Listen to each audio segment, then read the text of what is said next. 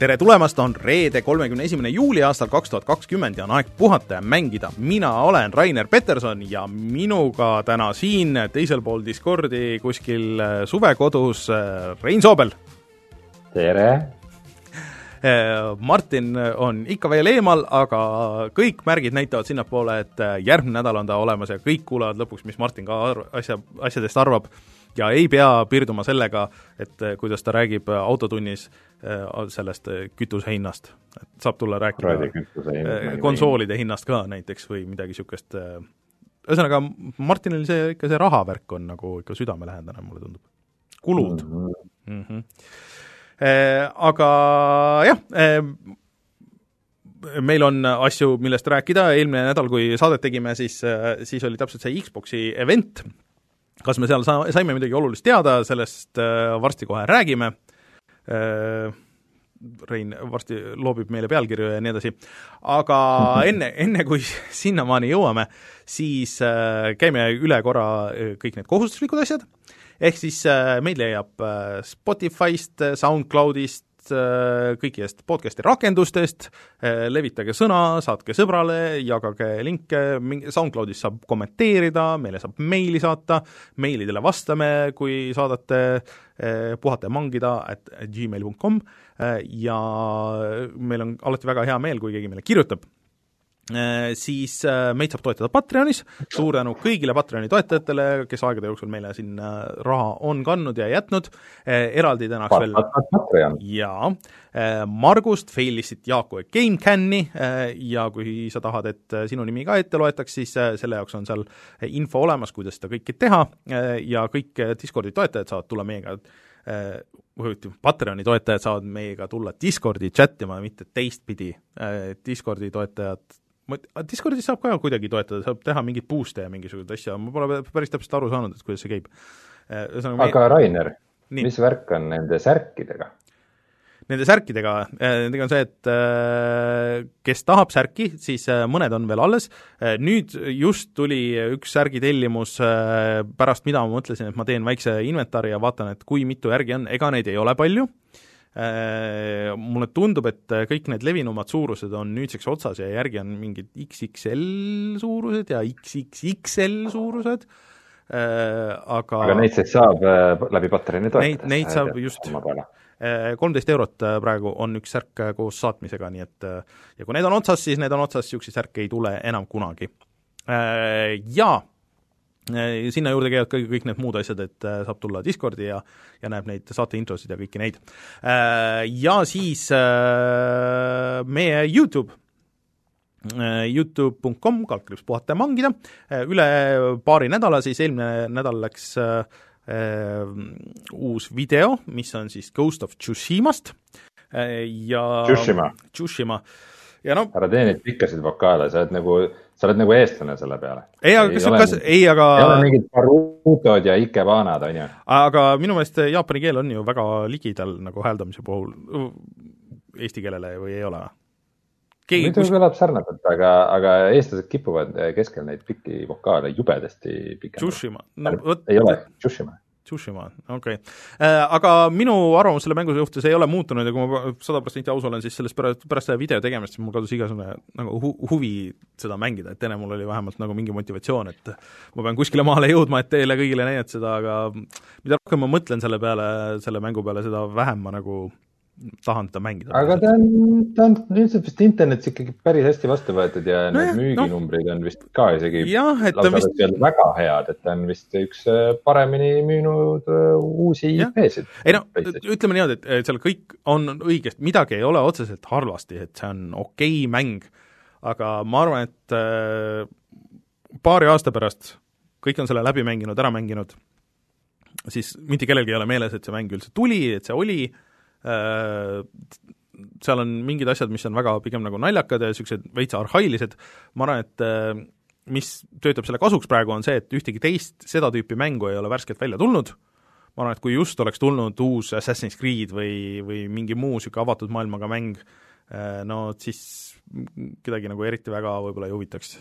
Aga praegu ta on niisuguses augus, kus täidab niisugust turgu, milleks ei ole meie, mulle tundubki, et meie ei ole ka nagu see, mm, see sihtgrupp, et ma arvan, et see on see sihtgrupp, kes ostabki ühe mängu poole aasta peale ja ostab selle ja siis võib-olla sügise poole võib-olla ühe või kaks mängu veel ja ongi kogu lugu ja tal on väga okei okay see kõik.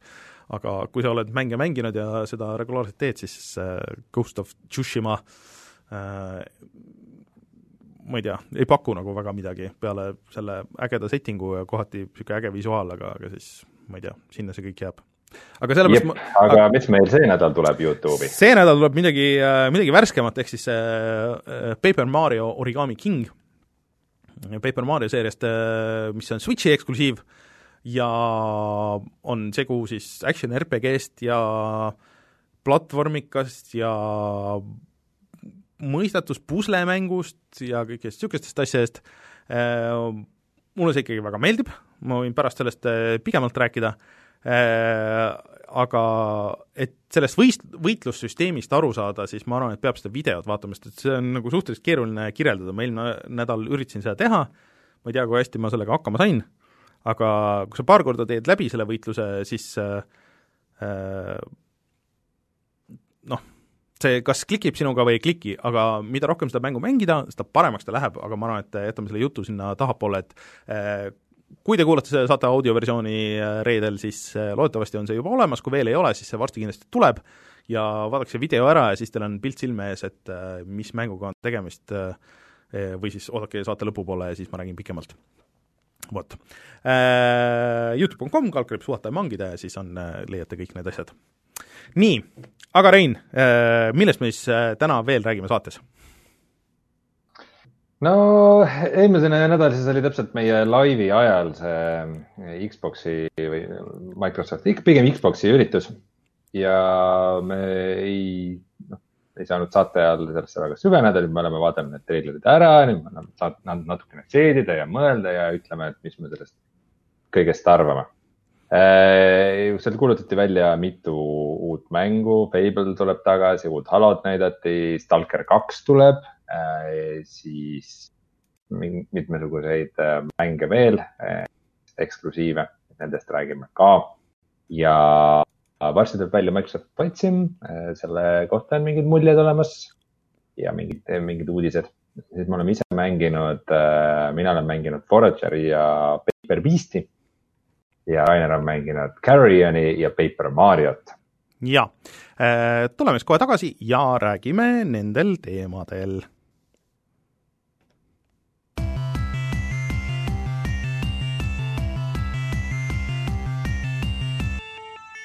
uudised.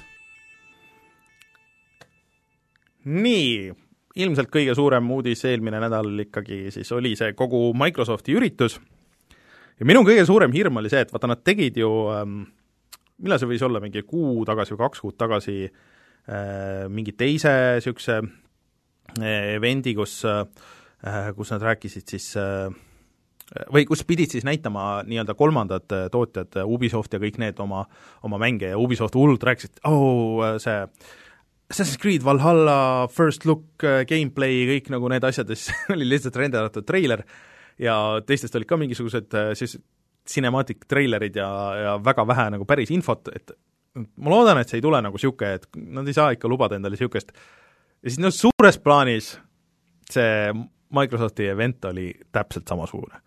ehk siis äh, näidati küll mänge, aga peamiselt näidati treilereid, räägiti nendest treileritest ja nendest mängudest, millal nad tulevad, aga väga vähe oli kuupäevi äh,, väga vähe oli infot selle kohta, et nagu kuidas see täpselt kõik nagu töötama hakkab, eh, pigem aeti nagu segasemaks seda Microsofti seda eh, juttu, et eh, noh, kõik uued mängud saavad töötama ka nagu vanadel konsoolidel ja uutel konsoolidel, ja noh, konsooli enda hinda ja täpselt väljatulemiskuupäeva me ikka ka ei tea. nii et ma ei tea, segased tunded jäid sellest kõigest ma soovitaks, ma teen ettepaneku, et me kõigepealt räägime, mis seal tehti või mis seal näidati ja räägiti ja siis äh, räägime natuke, mis me sellest kõik saame. selge äh,. jah.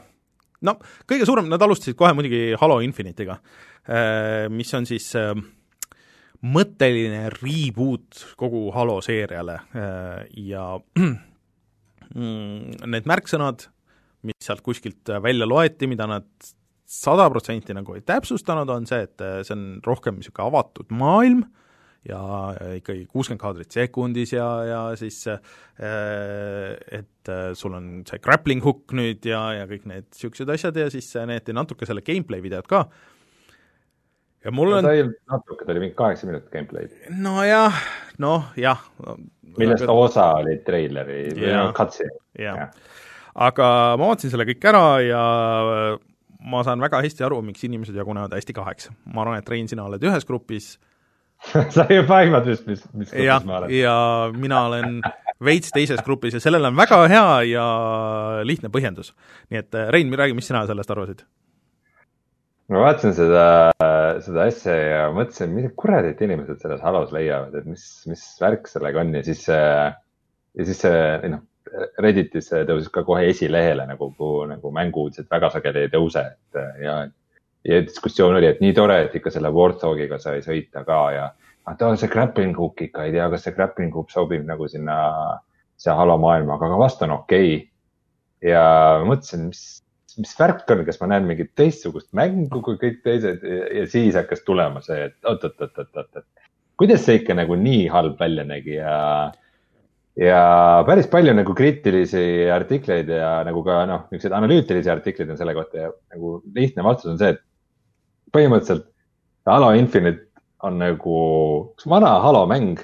ta võiks vabalt olla mingisugune kümme, kümne aasta tagune Halo mäng ja ta on lihtsalt graafiliselt nagu veidi ilusamaks boost itud, et seal on nagu rohkem polügoone, rohkem valgusefekte äh,, nagu suurema resolutsiooniga tekstuurid aga kuna see kõik, see üldine disain, see art disain ja kogu see nagu asjade paigutus ja, ja kogu see nagu lähenemine sellele on nagu nii vanakool, see pigem näeb just nagu hästi fake ja kuidagi elutu ja niisugune tuim välja ja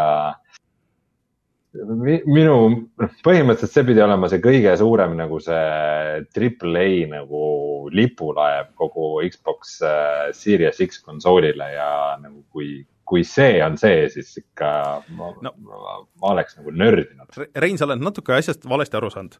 ehk siis äh, lähme nagu tagasi selle Halo nagu juurde, et äh, seda ju alguses tegi Bungi äh,. Ja nende vanade Halode äh, esimese viie siis tegelikult, kui nüüd võtta, nende kõige tugevam külg, et noh, tehniliselt olid, mis olid, äh, seal oli, oli kolm nii-öelda niisugust põhi äh, äh, põhiasja, millel see kõik nagu toetus äh, alates, eriti veel alates nagu Halo kolmest, ehk siis üks oli niisugune hästi tugev ja konkreetne look ja art disain äh,, ja sellel kogu maailmal, et see oli hästi ühtne ja kõikidel nendel vastastel oli oma stiil ja hästi niisugune tugev story nagu seal kõigil, et igal asjal oli mingi oma lugu ja nii edasi. siis teine oli see gameplay ja see tulistamine ja siis need nii-öelda combat stsenaariod nagu niisugune äh, puzzle stsenaarium, et umbes nagu äh, selles Half-Life kahes on ju, et, et sul iga niisugune okei okay,, kui sul vastased tulid, et siis oli mingisugune noh, nagu mitu viisi, kuidas sa said läheneda sellele ja kuidas see disain nagu sellel kõigel oli. ja siis äh, kolmas küll kuulnud, et Halos oleks mingeid Half-Life'i laadseid äh, pusle lahendamisi, aga ei, ei mitte, mitte pusle lahend-, ei, ei seal on nagu see, et iga kord, kui sa pead tulistama, siis see on nagu, see on nagu combat puzzle ah,. see nagu, vaenlaste kompositsioon. jah, jah, ühesõnaga, et sel-, selle disain oli nagu väga hea ja väga tugev selles üksikmängus. ja no kolmas osa muidugi oligi siis see, nagu see mitmikmäng ja go-up mäng, mida eriti veel sellel ajal, kui need esimesed kaks mängu tulid, äh, no ei teinud, eriti konsooli tulistamised nagu üldse kunagi, on ju. ja sellepärast on nii paljudel inimestel äh, on äh, väga palju positiivseid mälestusi sellega, see oli hästi levinud äh, just nendes äh, kolledžites, on ju, et, et see toetas seda online-mängu ja nii edasi, et sul ei olnud arvutit vaja ja kõike see, ja nii, et ühesõnaga, et inimestel on hästi tugev nostalgia ja see, see nüüd läheb tagasi sinna esimeste halode sinna maailma. aga nüüd on nagu see twist, et seda teeb nüüd täiesti teine stuudio siis, neid viimast kolme halot ja see natuke kõik nagu mõjub niisugune, et see, et see on nagu see, nagu niisugune cover lugu, on ju, et, et me nüüd teeme mingi, no põhimõtteliselt teeme nagu mingi konkreetse bändi nagu, mis on hea bänd, teeme niisugust tribüütbändi, mis kõlab nagu peaaegu nagu sama, aga sa saad aru, et midagi on nagu off, on ju, ja siis nüüd need viimased mängud on see, et äh, okei okay,, et me nüüd siis hakkame oma lugusid tegema, mis on, no kõlavad nagu sama, aga siis nagu ei ole nagu seda särtsu nagu sees. et kui sa vaatad seda disaini ja sellel kõigel asjal, et see on nagu palju geneerikum ja ja ma vaatasin seda, seda Digital Foundry videot, kus lahati hästi põhjalikult, et miks see nagu nii halb siis välja näeb. see tundub, et pigem, et ta põhineb sellel eelmise generatsiooni tehnoloogial, mis juba on nagu põhimõtteliselt Äh, siis äh, see three for three'l äh, siis eelmisest konsooli generatsioonist ja seal on mingid asjad on nagu seal ja mingid piirangud tulevad nagu sealt, noh, need vanad Halod ei olnud ju avatud maailmamängud, on ju, et, et et kui sa vägistad seda avatud maailmamängu nagu sellesse mootorisse niimoodi ja sa pead pidama ka nagu seda silmas, et see mäng peab jooksma ju nagu sellel launch Xboxil ja Xbox Series X-il. Ja noh, arvutil ka, on ju et äh, ma arvan, et nad ei saa veel kuskile väga kaugele minna, pluss siis nad äh, lõpuks ütlesid ka, et okei okay,, et meil tuleb eraldi veel see Series X-i patch kunagi, millalgi tulevikus, pärast seda, kui see mäng välja tuleb. et äh, see sisuliselt ikkagi on nagu eelmise generatsiooni mäng nagu, või noh, siis selle käesoleva generatsiooni mäng ja pluss seda teeb Three for the Three, mitte Bungi ja noh, rääkides sellest, siis need tegelikult seda Destiny kahte ka, millest tuleb eraldi siis next gen versioon ja see nägi võrdluses palju parem välja. et äh, äh, natuke nagu kurb, veitsa olen pettunud, aga mulle selles mõttes, et mulle tekitas äh, kõik see, mis seal näha oli, kui sa vaatad selle nagu puhttehnilise asja nagu mööda, siis nagu veitsa niisugust nostalgiat, sest mul ikka nagu on mingi teatav nostalgia selle kogu Halo seeriaga. ega ma ilmselt yeah, aga see Halo gameplay, me oleme sellest muidugi väga palju rääkinud no. ka, aga see Halo gameplay aga sa ei ole neid nii kaks tuhat kakskümmend aastasse ei kuulu enam see no, ma ei, vot, aga Rein, sa oled nii aeglane nagu aga Rein, sa teed, vot sa ei mängi seda niimoodi, nagu see on, nagu need inimesed noh, mitte isegi nagu selles ajas, aga, aga kui sa mängid seda puldiga, konsoolil järjest niimoodi, siis see on teine feel kui see, et sa võtad jah, praegu nagu nende kõikide teiste asjade kõrvale, võtad arvutile, on ju, ja siis vaatad, et aa, miks see nii slow on et äh, see oligi selle trump, et nad võtsid selle noh, mida konsoolid, eriti veel originaal Xbox on ju, noh, sa lihtsalt ei saanud seda kiiret gameplay'd seal ja. teha ja niisugust kont-. aga me, me räägime praegu Halo Infinite'ist äh, Xbox Series X-i peal no,, mitte Halo ühest äh, no, originaalsest. aga kusjuures twist on nüüd nagu muidugi see, et see ei ole ainult Series X-i peale, ühesõnaga see tuleb kindlasti siis ka selle Xbox One'i peale, Äh, One X-i ja kõigi nende peale ja ka arvutile siis kohe Gamepassi ja vist on isegi Steamis on page olemas, nii et kui sa tahad äh, Steamis osta seda, siis anna minna. Äh, aga kui sul on Gamepass, siis sa saad seda Gamepassis mängida. aga ma loodan, et seal on nagu midagi veel, midagi niisugust, mida, mis sellest treilerist välja ei tulnud, aga see treiler oli ikka suhteliselt nõrk nagu puhttehniliselt, ma arvan, et nad oleks võinud nagu kuidagi nagu et kuigi nad ütlesid, et see jooksis veel arvuti peal ka nagu, et äh, ma ei tea, see ikkagi jäi niisuguse algusasjana nõrgaks, pluss see oli veel välja kuulutatud ja kõik see. nii et äh, mõnes mõttes ma saan seda me ei pea, seda me ei pea nagu järgmiste mängude juures ka eraldi ütlema, et siis põhimõtteliselt kõik, mida nad seal näitasid äh,, tuleb nii äh, uuele Xbox'ile, et kõik muidugi vist ei tule, vot, vot Current, kellel ei tule või ei tule. vot seal oligi see twist, et osadel aga, aga mis ma tahtsin tegelikult öelda, on see, et kõik need asjad tulevad Gamepassi. et äh, see, seda küll ei olnud, et ühtegi asja oleks seal olnud, mis ei tule Gamepassi. jah, et äh, see natuke segaski nagu seda vett, et osadel mängudel oli kadunud see, et noh, äh, Xbox One'i logo seal, et osadel oli olemas, osadel ei olnud, et mis jutt nagu see on äh, ja siis äh, see, kes see nüüd praegu on, see Xbox'i boss, ütles, et äh, peaaegu kõik asjad tulevad ka vanale generatsioonile, mis on täiesti risti vastupidi see, mis nad on siin viimased paar aastat rääkinud ja väitnud, et et kohati läks nagu selles mõttes veits segasemaks.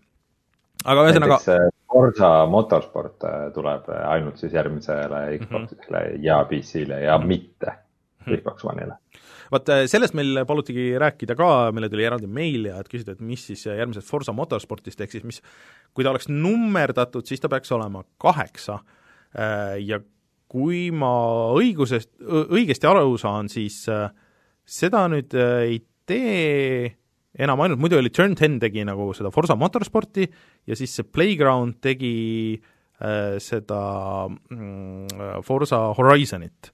aga minu meelest siin nad kas töötavad koos äh, või ühesõnaga, mingi nagu natuke niisugune segadus ka oli, et, äh, et kas see on Turn ten teeb seda, loen mina äh,.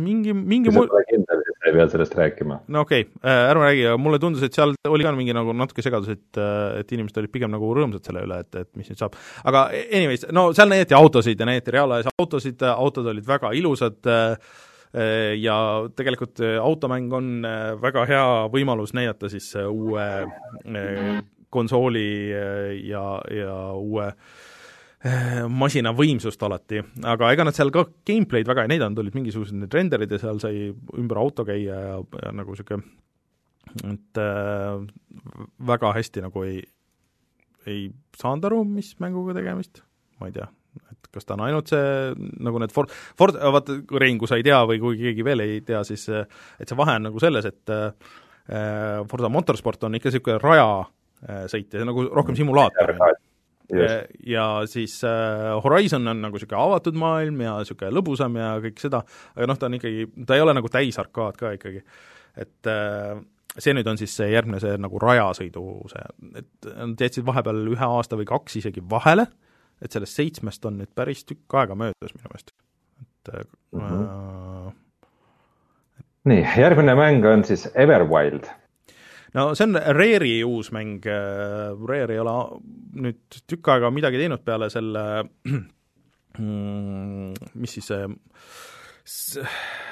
piraadimäng, mis on ka Gamepassis, ehk siis Sea of Thieves, sea of Thieves jah, mis, mis saab järjest populaarsemaks mingil põhjusel, aga ma liiga väga hästi ei saanud aru, mis see Everwild nagu on nii palju võime öelda, et ta nägi sihuke Zelda Breath of the Wildilik äh, välja, sihuke ilus, äh, väga palju loodust ja mingi hõim, kes loodusega koos äh, maailma taastas ja -hmm. seal olid mingid huvitavad elukad, keda nad kontrollisid ja kellega koos nad asju tegid ja mm -hmm. see nägi sihuke vahva välja, aga loomulikult me nägime siis ainult treilerit, mingit mängu mm. -hmm. No... ja noh, sarnaselt Zelda Breath of the Wildiga ta oli niisuguse suhteliselt äh, lihtsa, veits sihuke nagu cell shaded äh, stiiliga. Äh, aga nagu ma aru sain, siis äh, see tuleb nagu niisugune non-combat või et ühesõnaga, et sa lahendad neid mõistatusi ja seda maailma päästad nagu ilma võitluseta, et see on kuidagi nagu niisugune avastamispuslemäng, äh, mitte nagu võitlus-kaklus äh, action-mäng nagu Zelda nagu selles mõttes, et, et äh, no Rare on igasuguseid asju teinud, kõik ootasid muidugi uut Viva Pinatat, aga, aga noh, pole vist neid inimesi, kes seda Viva Pinatat teeks enam. Et on nii palju ära läinud, et see on hoopis teine firma aga see on praegu minu teada ka siis kuulutatud välja Xbox Series X-ile ja PC-le mm, -hmm. hoolimata oma, hoolimata oma lihtsast äh, graafikast. no see ei ole graafika. tehniliselt, tehniliselt mitte väga nõudlikust äh, äh graafilisest stiilist tundub, et seda noh, seal on jälle see, et vaata loodus, vaata sa ei, sa ei tea kunagi, seal võib, see stiil on stiil, on ju, aga sul võib olla väga palju partikleid, sul võib olla väga palju resolutsiooni, kõiki neid niisuguseid asju, mida Muid. sa nagu ei näe seal. no ei tea ju. see muru ja, ja puustik on ju väga nõudlikud masinale. väga nõudlikud. on ju sai hakkama siiski selles, aga no. State of Decay kolm on ka praegu tegemises, see nüüd minu meelest alles nüüd kuulutati välja, et seda ei olnud varem teada. seda enne ei olnud teada. et ta on sihuke mm,, State of Decay on siis sihuke zombi maailmas ellujäämise mäng, aga mitte niivõrd story põhine, kuivõrd selline, et sa päriselt ehitad üles omale mingisugust mm -hmm.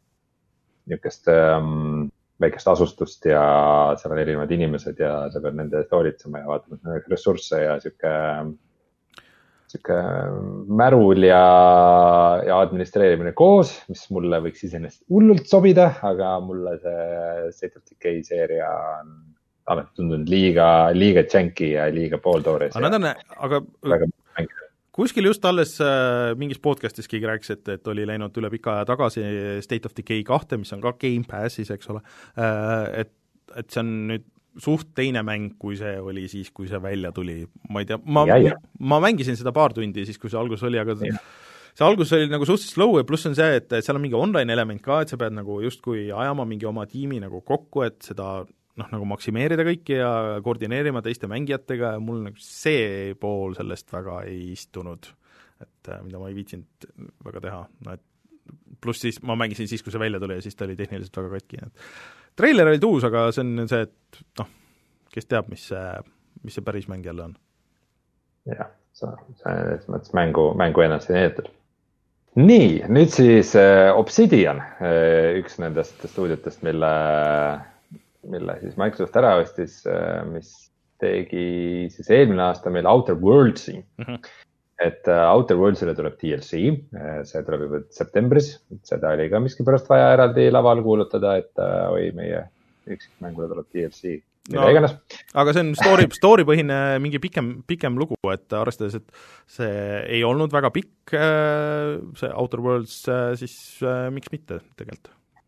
Peril, Peril on Gorgon, on selle nimi mm. -hmm jah, aga mis on võib-olla huvitavam, on see, et äh, nad siis kuulutasid välja ka oma uue mängu nimega Avowed mm -hmm. ja äh, sellest me ka loomulikult mängu ei näinud, nägime ainult äh, sellist äh, pre-renderdatud treilerit äh,. aga idee poolest on see midagi Skyrimilikku ehk siis äh, läbi silmade vaates äh, rollimäng ja kuuldavasti see toimub siis Pillars of Eternity maailmas hmm mis on siis ähm,, mis on siis äh, üks rollimäng, mida Obsidian äh, mõni aasta tagasi tegi, seal on kaks osa mm. -hmm.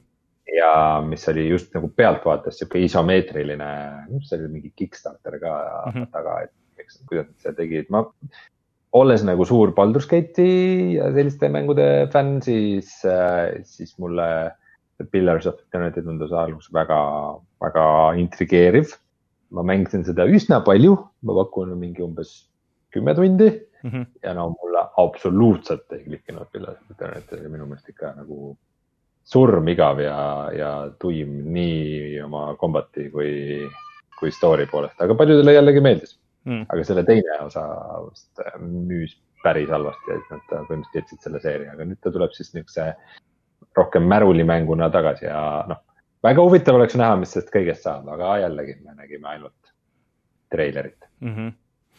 Äh, ja muide, Obsidian teeb siis ka praegu sellist mängu nagu Grounded. mis on siis äh, ellujäämismäng äh,, aga sellise twistiga, et peategelased on lapsed, kes ennast kahandasid ja nad on kuskil hoovis umbes ja peavad ennast kaitsma ämblikute vastu ja rohu pealt vett mhm. koguma mm ja mingid siuksed asjad no idee tundub isegi natuke fun ja see vist on juba early access'is. just, äh, see on äh, Gamepassis olemas, ma tõmbasin selle alla, ma lootsin, et ma jõuan mängida, aga natuke läks puseriti kõik eile ja siis äh, ei jõudnud.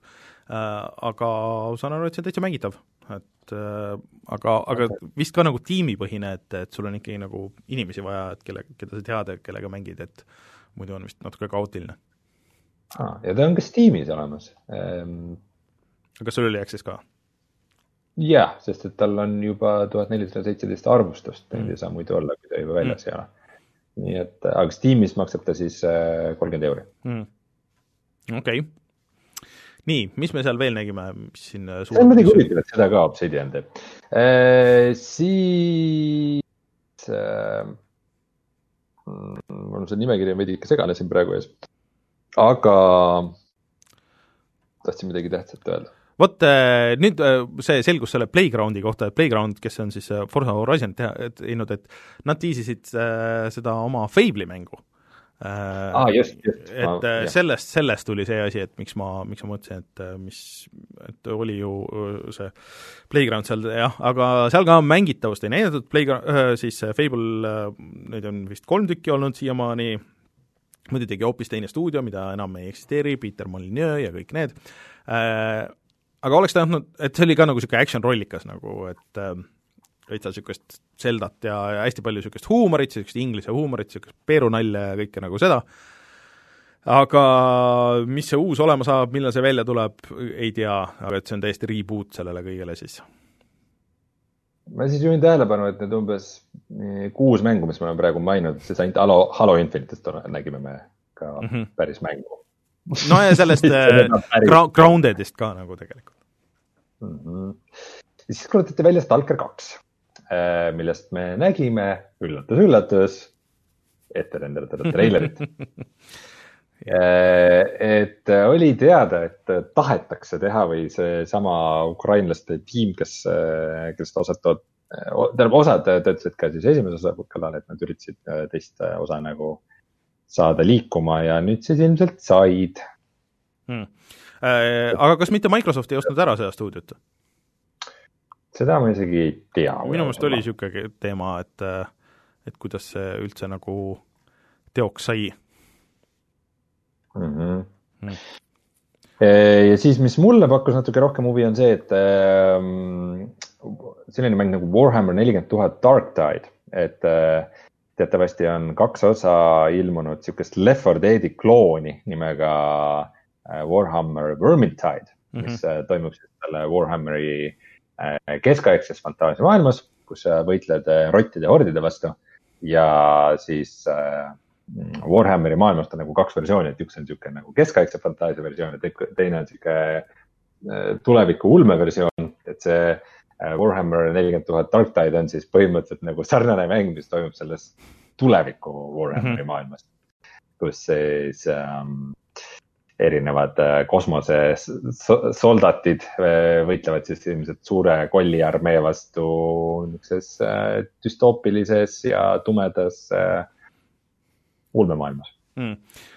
nägi välja väga alien, aga see nägi välja päris uus, ma isegi proovisin seda kas sa mõtled seda treilerit, seda, seda pre-rendatud see pre-rendatud treiler, et ütleme niimoodi, et see atmosfäär oli seal paigas, et mis tekitas huvi vähemalt, et midagigi nagu selles mõttes. ma ei tea muidu Warhammerist äh, eriti midagi, ma küll proovisin seda Vermintide kahte äh,, kui see tuli Gamepassi, aga, aga mulle see kuidagi eriti ei klikkinud, ma ei tea.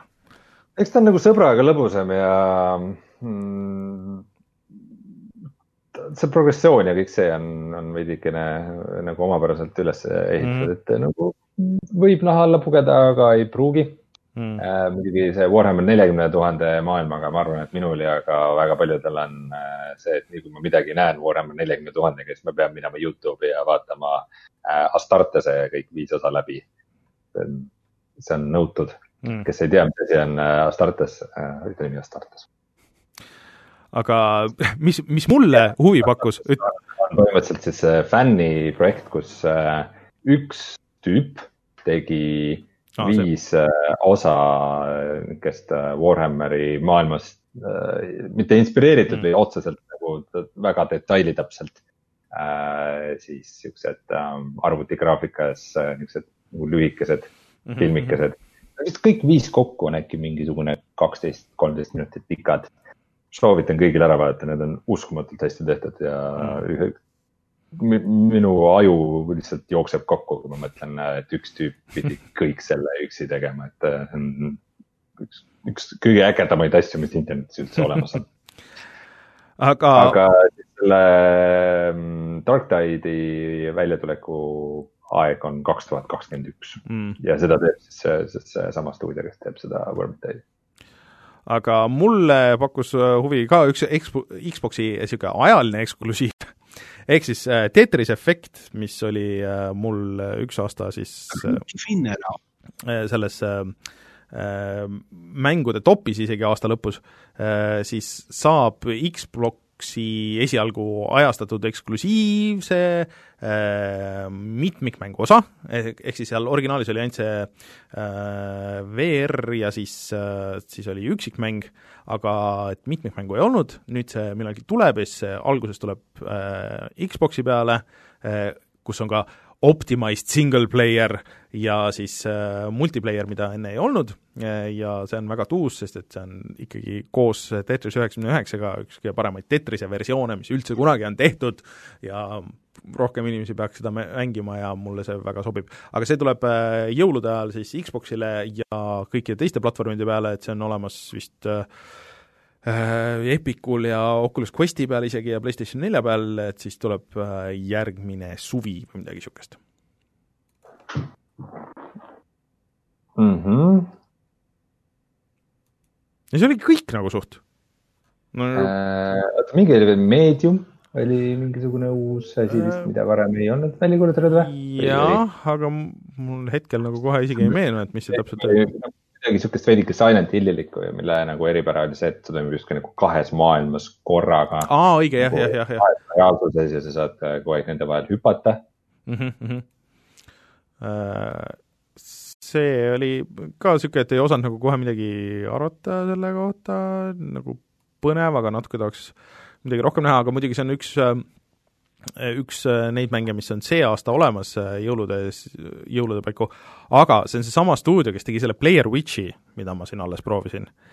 Mis mm -hmm. oli no pigem keskpärane, kui alla selle, Martin just rääkis sellest Switchi versioonist ka, ja nad tegid need Layers of Fear'id ka, mis mulle see esimene kohe üldse ei meeldinud, Martin tegi küll läbi, aga ma ei, noh, nad ühesõnaga teevadki niisuguseid õudusmänge nagu nii edasi, aga mis on pigem niisugused nagu okeid, aga nagu mitte midagi erilist, no ma ei tea.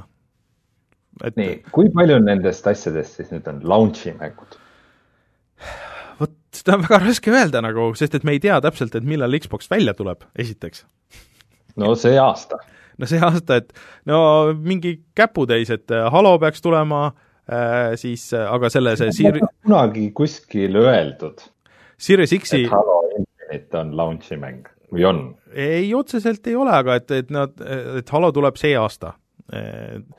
aga et selle, see Series X-i patch tuleb ka millalgi järgmine aasta. Ehk siis suurem osa asju ongi kas siis teistelt tegijatelt mis on mul on siis... praegu ees äh, Eurogeimeri Xbox'i äh, asjade mm list ja Nii. siin on äh, eraldi sektsioon on Xbox Series X launch game, games on release. Seal on kaks asja Fortnite ja Yakuza Like a Dragon noh, palju sul rohkem vaja on no väga palju. aga see, see, sa jätad selle välja, et kõik need vanad mängud äh, on ilmselt mängitavad paremini, kõik ju siis äh, selle generatsiooni mängud ja kõik uued mängud, mis tulevad. Keda nii... see huvitab aga..., selles mõttes jaa, sa saad seal midagi mängida, aga mis need mis uued mängud mida?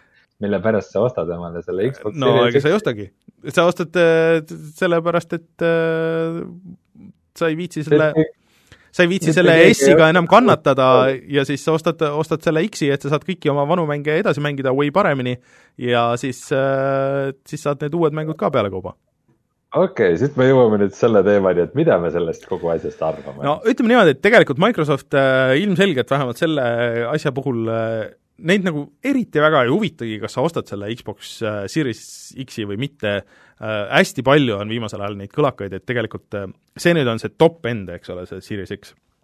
et see on see kallis masin, see on sellele early adopterile, kes niikuinii, vahet ei ole, mis see on, ostab selle masina ja see ilmselt tuleb kallim ja see on kõik nagu selleks, et nad saaks öelda, et okei okay,, et meil on kõige most powerful masin nagu üldse.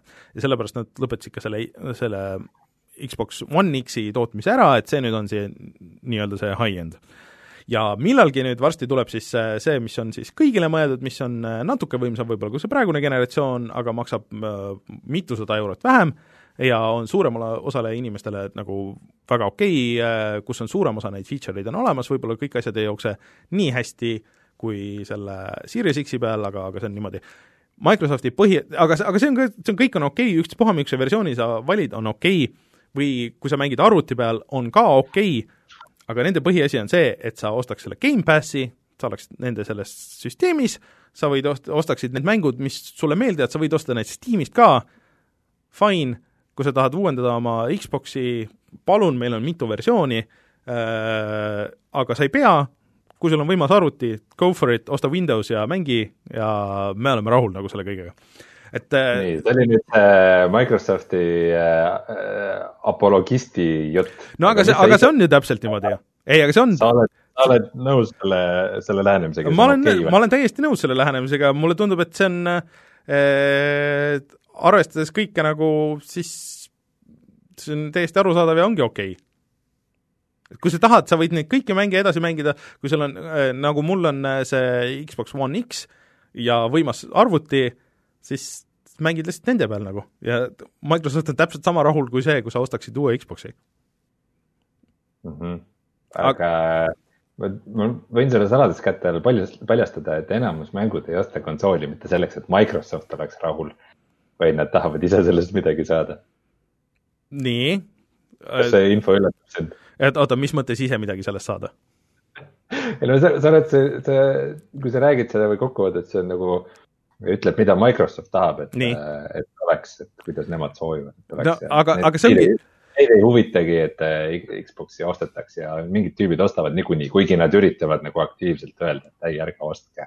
ei, nad ei, nad annavad sulle võimalusi, kuidas sa, kuidas sa saaksid neid mänge mängida mm. -hmm. et sa ei pea selle jaoks ostma Xbox'i tingimata, kui sa ei taha, sa võid oma olemasolevaid asju ka kasutada.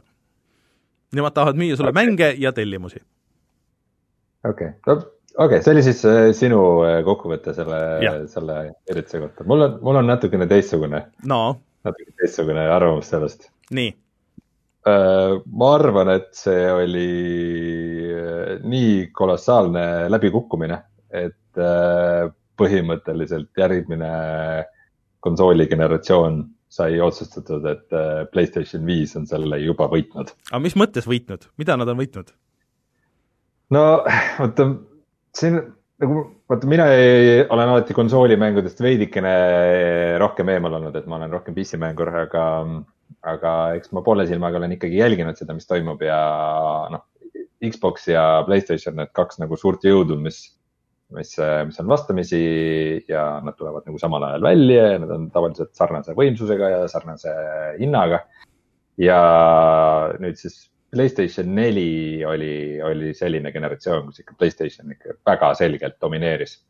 ja äh, need esimesed märgid järgmise generatsiooni kohta on, noh, on tundnud, et tulevad mõlemad nagu võimsad masinad ja nii edasi äh,. aga, aga see, et kumb peale jääb või, või noh, mida nagu tavatarbija vaatab, on see, et, et äkki ma nüüd ostan uue konsooli, kui need välja tulevad ja kui ma teen seda, et siis kumba ma ostan sest noh, eks need, jumala Playstation neli ja see Xbox One X on uh,. või Xbox One üldse, et mingi. kaks tuhat kolmteist, neliteist, kuus-seitse aastat vist või? kuus-seitse jah. kas kaksteist oli Wii U ja siis kaks tuhat kolmteist äkki tulid need uh, One ja, ja Playstation neli? Ja ma peast ei oska öelda, aga nüüd kuus-seitse aastat, noh, need kas mm. ostsid või on isegi, kui sa ostsid nagu midagi vaheversioonis, nad nüüd juba vaikselt hakkavad äh, vananema. ja paljud tahavad nüüd uut konsooli mängida, et ost-, mängida uusi ägedaid mänge ja, ja siis nad jälgivad huviga, et noh, et äh, kumba, kumba nad siis ostavad. ja, ja Microsoftil oli nagu üks võimalus äh, näi, näidata, et, et see uus uus Xbox on nii võimas ja selle peal on nii ägedaid mänge ja, ja, ja siis äh, inimesed valiksid, et oh, et sellega on veel see Gamepass ja backlog ja kõik need asjad ja muidugi ma lähen Xbox'i teed ja, ja nad ikkagi totaalselt nagu jätsid selle võimaluse kasutamata ja on näha, et äh, see, et nad vahepeal stuudioid ostsid kokku kõvasti, ei ole veel hakanud vilja kandma ja kes teab, millal üldse hakkab. pluss äh, noh, ma ei tea, kuidas, kuidas nagu tavakasutaja jaoks asi on, aga minul oleks nagu väga suur probleem äh, üldse usaldada nagu Microsofti ja selle väljakuulutamisi ja treilereid, arvestades, kuidas nagu asjad äh, viimase generatsiooniga läksid, mingid need crackdown'id ja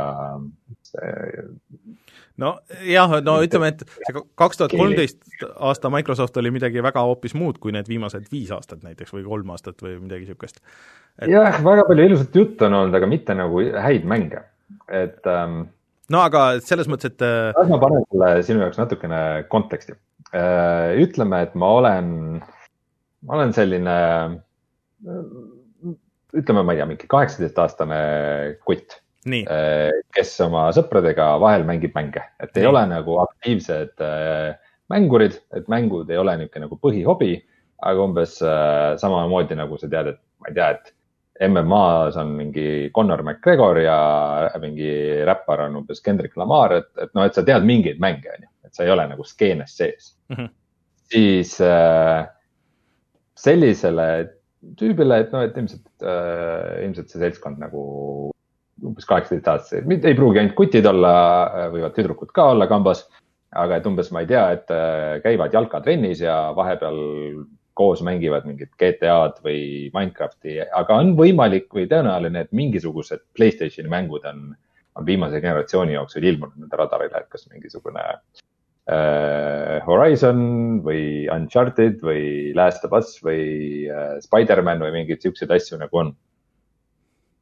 Microsoftilt ei ole nende radaril olnud ilmselt midagi.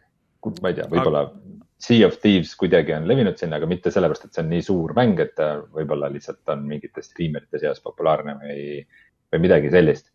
Äh, need ajad, kui olid populaarsed äh, Halo ja Gears, oli see seltskond äh, umbes nelja-aastane. et kogu nende eluea jooksul pole nagu see need, need mängud, uued mängud, mis on tulnud sellest maailmast välja, on olnud lihtsalt selle vana fännibaasi äh, nagu elus hoidmine või ka see uus Halo Infinite on ka ikkagi noh, ta on nagu selgelt kolmkümmend pluss inimeste nostalgia tekitamiseks, et, et mingeid uusi fänne nad nagu väga ei leia. ja põhimõtteliselt need konsooligeneratsioonid on nii pikad, et see on juba nagu märgatav osa inimeste äh, eluajast ja Microsoft on selle eelmise generatsiooni pekki keeranud ja nüüd äh, nad on nagu kaotamas äh, inimesi ka nagu, kes võiks pardale tulla uuega, et. Äh, aga Rein. isegi need panen... viimased nagu riigid, kus oli näiteks, ma lugesin mingi statistika oli just, et kus Inglismaal näiteks, mis on nagu olnud sihuke Euroopa üks põhilisi Xbox'i riike ikkagi mm, -hmm. et kus on ka nagu viimane generatsioon Playstation neli võidutses ja vist uurimus ei olnud nagu päris umbes viimase nädalate jooksul tehtud, et võimalik, et isegi mitte, mitte viimaste kuude jooksul. aga et äh, kuskil kaheksakümmend neli protsenti inimesi, et nad ütles, et nad pigem ostavad Playstation viie kui Xbox'i. et äh, see, et Xbox võib öelda, et nad ei tahagi, et inimesed nagu nende, nende masinaid ostaks, et nad seal ökosüsteemis oleks. see on inimesed, kes, inimesed ei, ei jaga nendega sedasama narratiivi inimesed tahavad äh, omale koju konsooli, mille peal mängida ägedaid mänge, nad ei viitsi rohkem mõelda ja Xbox ei ole praegu selleks äh, õige valik. aga Rein, ma panen sulle natuke teise konteksti selle kõik. Needsamad tüübid, on ju, nad tahavad mängida võib-olla mingit koos mingisugust ühte-kahte mängu, on ju, võib-olla tänapäeval ütleme suure tõenäosusega Apex Legends, Fortnite, Minecraft, võib-olla veel midagi nüüd äh, lähitulevikus äh, kõikidel nendel mängudel on olemas äh, crossplay. ja saad, noh, otseselt nagu lõppkokkuvõttes ei ole vahet, äh, mis konsooli sa mängid. aga kui äh, needsamad inimesed, kui nüüd äh, tulevad need uued konsoolid, tulevad välja ja need maksavad näiteks sama palju siis äh, lisaks nendele pead maksma kuutasu niikuinii. Ja sa pead maksma äh, kuutasu ka äh, PlayStationil, et, et sa üldse online'is midagi mängida saaks.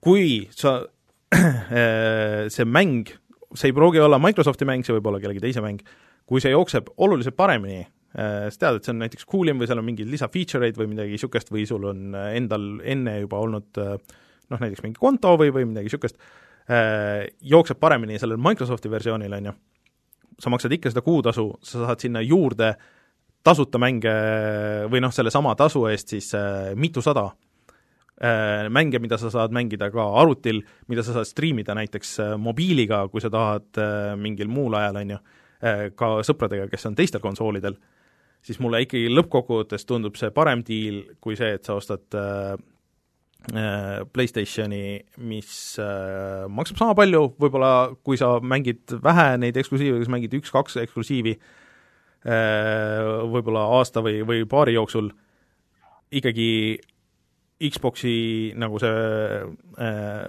value proposition ehk siis see väärtus mulle tundub kõrgem kui see PlayStation nelja peal sa räägid, et kui tehniliselt üks jookseb teise peal paremini, kas sa väidad, et mängud jooksevad Xbox? no ütleme, no praegu äh, tegelikult äh, noh, puht paberi peal kõik, mis on lekitatud, on öeldud, et et äh, Xboxi jooksevad asjad paremini või on vähemalt see masin nagu vähemalt paberil võimsam.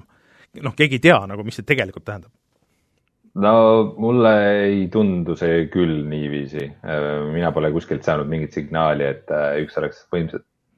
see on, see on see, et. Äh, see on puhas spekulatsioon nagu spekulatsioonid ja noh, mis mulle tundub, on see, et laias laastus nende masinate võimed on ikkagi samad. et äh, see no,, kui seal on mingi noh no. eks uue generatsiooni alguses jälle tuleb nagu see, et oo oh,, et see selles kohas, selles mängus nagu oli see koht jooksis üheksasada B vahepeal. teise konsooli peal jooksis üheksasada nelikümmend kaheksa B-s, et, et nagu need, see võrdlusi tuleb ja kord on nagu pall ühel väljakul ja pall teisel, aga ma arvan, et laias laastus see võimsus on ikkagi suhteliselt sama. aga, aga, aga kui see kõik isegi on sama, siis mulle tundub, et kui sa mängid vähe, kui sa mängid palju mänge isegi, siis mulle tundub, et mõnes mõttes äh, sul on äh, huvi PlayStationi vastu nagu suurem, võib-olla nagu mingid Jaapani stuudiod ja mingid niisugused asjad, kes ei ole Xboxi peal äh,, kui sa lähed nagu sügavuti, et see on pigem nagu see suurem äh, kaalukausi värk, kui, kui sa mängid harva, sa tahad mängida neid asju, mis sul on juba olemas, võib-olla sõpradel on olemas, sa saad äh, võib-olla odavalt mingeid kasutatud mänge äh, seal Xbox One'i peale äh,, siis äh, ja sa saad uue masinaga mängida ka nagu vanu mänge kindla peale, on ju, siis äh, inimesed, kui nad teevad selle investeeringu, kui nad mhm. ostavad omale konsooli, ega inimesed, kes ei jaga ise mängudest väga palju, see on see, et äh, kui tuleb välja mingi uus äge mäng, siis on, oh, ma tahan nüüd seda mängida. ja siis, kui tuleb välja, et see uus äge mäng on äh, siis Playstationi eksklusiiv, siis meil oli tegelikult üks generatsioon, kus juhtus päris palju seda, et inimesed ostsid omale Xbox'i Xbox One'i ja kui, kuna oli niivõrd hea Sony eksklusiivide põlvkond, siis äh, mis nad tegid, oli see, et nad lihtsalt müüsid oma Xbox'i maha ja ostsid Playstationi. seda juhtus väga ei, palju. ei, ei no juhtus muidugi, aga lihtsalt praegu ongi, et ka, et ega Sonyl nagu ka väga hästi need asjad ei ole, sest et ega neil ka launch'i ajal äh, polnud peaaegu midagi, sest et äh, see Spider-man on ka ju minu meelest kaks tuhat kakskümmend üks mäng, äh, peaaegu kõik nendest olid kaks tuhat kakskümmend üks, nii et äh, mis ei oleks äh, cross-gen nii-öelda või, või oleks ainult PlayStationi eksklusiiv, ega neid, neid oli ka mõni üksik ainult seal. aga no, aga see tulevik ikkagi terendab nagu no, palju positiivsemana, see, mis seal PlayStation viiel tuleb. vot selles, minu meelest see kogu selle Microsofti ürituse probleem oligi see, et kõigel, mis nad näitasid, tõesti kõigel, oli sihuke väga-väga budget tunne nagu. seal ei olnud ühtegi nagu triple A mängu, need ei olnud isegi kahe A mängud, need olid pigem nagu ühe A asjad. no ma nii karm ka ei oleks. ja vaata, kuna nad tulevad kõik Gamepassi, Gamepassi value proposition on, on väga hea, sa ikkagi saad väga väikse raha eest praegu väga palju mänge, sellele ma vastu ei vaidle. aga noh, vot sellega kaasneb see, et see value proposition kliendi jaoks on nii hea, et see ei ole väga hea ärimudel nagu selle pakkuja jaoks. ta on hea ärimudel ainult siis, äh, eriti kui nad teevad nagu oma stuudiotega neid eksklusiivmänge, kui need mängud on nagu suht odavad ja. oled sa kindel sellele? no ei no. That's how, that's how money works. ei no et, jah, aga ma arvan, et seal on budget release'id, et nagu vaata kõik need äh, eksklusiivid, mida nad, äh, mida nad teevad ja vaata umbes noh, Ninja Theory pidi oma mm, ressurssi raiskama vahepeal mingi, mis iganes mäng see oli, mis kõik nagu ära unustasid, mingisugune arena shoot. ei. noh, Hellblade'i vahepeal nad tegid ju mingisuguse nõmeduse, mida ma ei, ma ütlen selle kohta Battleborn, see ei olnud Battleborn, aga kutsume seda Battleborniks mingi Overwatchi kloon oli, mida nagu ilmselt keegi väga ei mängi ja noh, raiskasid lihtsalt oma ressursi mingi siukse väikse effort'i peale, et, et ei ole nagu suure eel eelarvega projektid, mida Microsoft sunnib neid nagu välja tututama seal oma põhiasjade vahepeal. oled sa kindel, et sunnib, ma just olen lugenud artiklit, kus, et kõik ütlevad, et tegelikult see Gamepass on üldiselt olnud väga hea diil jah, no ma ise just olles mänginud Gears Tactics, mis nagu tundus ka teoorias väga hea diil saada. ei, ma mõtlen just mängu, ei, ei mäng, nagu äh, mänguarendajate jaoks. Äh, no jah, aga nende konkreetsete projektide eelarved ja need ajakavad, millal nad välja tulevad, ei ole, nad ei tee seal oma meistriteoseid. et neil no, on ilmselt nagu, sihuke turvaline olek nagu tuleviku mõttes, aga need ei ole nagu meistriteosed, mis seal tulevad, kas see asi on eelarvetes või asi on nagu Microsofti administratsiooni sekkumises või mis iganes. aga kui sa vaatad nagu, ütleme Ghost of Tsushima, mis eh, tundub nagu üks nõrgemaid Sony eksklusiive praegu eh, tundub, et lööb nagu pika puuga kõigele, mis, mis praegu seal Microsofti stuudiotes keevitatakse no kokku. aga Microsofti stuudiod ongi seal väga vähe ja need projektid, mis neil on, on ma arvan, mingisugused äh, poolikud asjad, mis lihtsalt lõpetati ära ja ega kellelgi ei olegi, vaata nad ostsid ju mis kaks aastat tagasi ja kaks aastat äh, selle suurema portsu neid stuudioid äh, kokku, et äh, kaks aastat ju tegelikult mängu, nagu uue generatsiooni mängu tehe, tehes ei ole ju mingi aeg nagu tegelikult. ei ole, aga Halo Infinite on palju kauem viis aastat või midagi niisugust. Aga see on üldse, aga seal, äh, seal ähm, see Jason Schreier kirjutas ju seal selle tausta, et see, et mängijad see ei peaks väga huvitama, aga tegelikult see, et äh, sellest äh, Three for Three'st ju mingi aasta aega tagasi läksid, peksti vist kogu see juhtkond minema ja kogu see mäng alustati sisuliselt uuesti. Umbes kõlab nagu see Destiny äh, esimese osa see story, nii et äh, ega seal no, nagu see ei, see ei, see ei loo nagu, et äh, ma lihtsalt ütlen seda, et et äh, ei tõsta nagu neid ootusi väga äh, selles suhtes, et see pigem teeb ettevaatlikumaks veel vaata, see ongi, vot sarnane olukord, millega võib võrrelda, on ilmselt ka see, mis toimub filmide maailmas nagu Marvel versus DC mm, -hmm. kus nagu mõlemal poolel on palju talent, talenti ja, ja nagu budget'it, aga ühelt poolt tuleb nagu edukaid filme mm -hmm. ja mhm. teiselt poolt ei tule et äh, see ei olegi ainult nagu alati eelarvete küsimus, see on ka mm -hmm. kogu see asi, kuidas see on üles ehitatud mm, -hmm. kui palju mingisugused stuudiod ja nagu äriinimesed sekkuvad nendesse loomingutesse, sest nagu noh, sellel Sony üritusel, ma ei tea, ma ei näinud seal niisuguseid mänge, mis mind väga huvitaks, aga nagu seal ikkagi oli näha nagu, et sihukest artistlikkust ja asja on, et no,, et kuidagi on suutnud tekitada nagu sihukese olukorra, kus no., kus äh, kus nagu,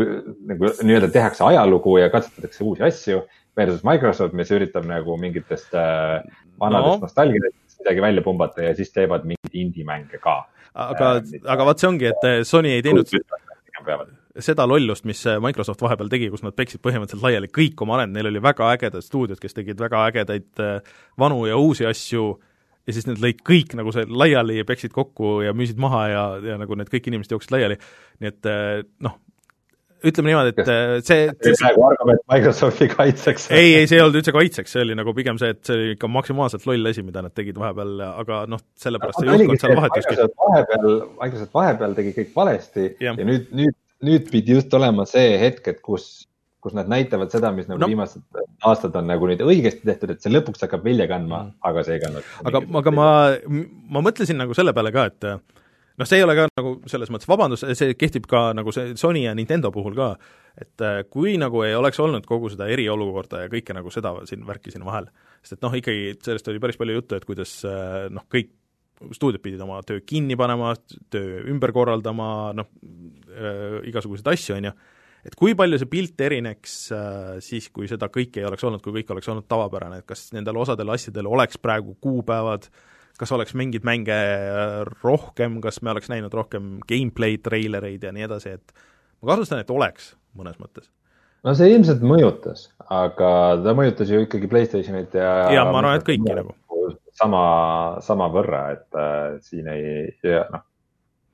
aga, aga ma arvan, et äh, eelmise konsooli generatsiooni algus oli ikka nagu aasta aega põuda mm. -hmm mõlemal. mõlemal jah, see on alati. aga lihtsalt, aga lihtsalt selleks, et üldse konsooli launch ida, sul peab olema mingi see esialgne key, see launch'i line-up, et sul on nagu mingid aga kui sa vaatad, kui sa vaatad kõik mingi märulimäng.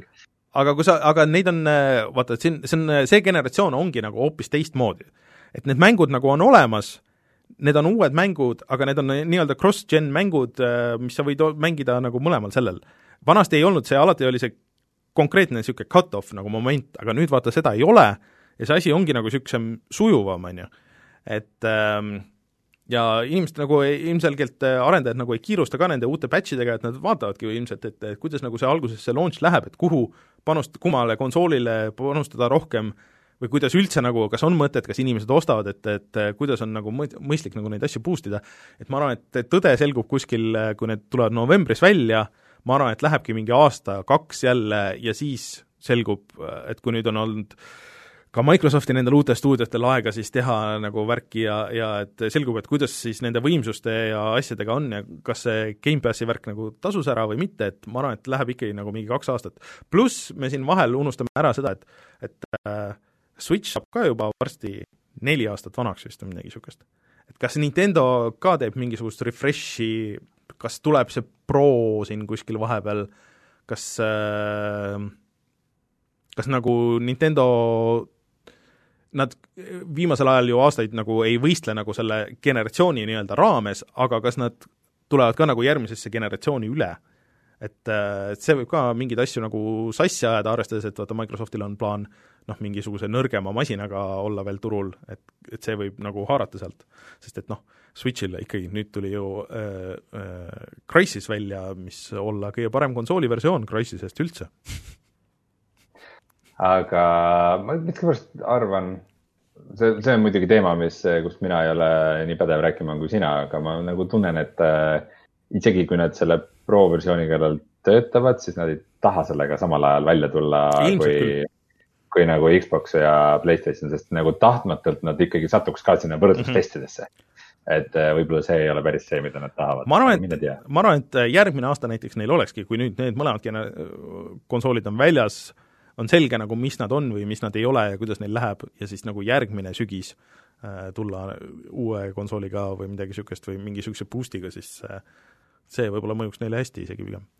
aga noh, okei okay,, see on juba kõik spekulatsioon juba päris tükk aega siin, et äh, aga põhiasi on see, et me ei saanud ikkagi nagu liiga väga palju targemaks. pigem nagu tekitas rohkem küsimusi nagu see kogu, kogu event, et äh, no mina sain targemaks, ma ootasin, et no. Äh, mingi Trump äh, tuleb neil varrukast välja ja tuli välja, et varrukas oli hoopis vana salvrätik vana sokk. vana salvrätik ja ploomikivi et mulle tundub, et Microsoft oma, oma lähenemiselt äh, Nad, nad üritavad mingit muud asja teha ja ütlevad, et ei no., et see, millest teie hoolite, ei ole see, mis aga, meie jaoks aga mulle, mulle mõnes mõttes meeldib see. et, et vaat see ongi nagu see kaks, kaks varianti, aga mis need eksklusiivid siis ikkagi on äh...?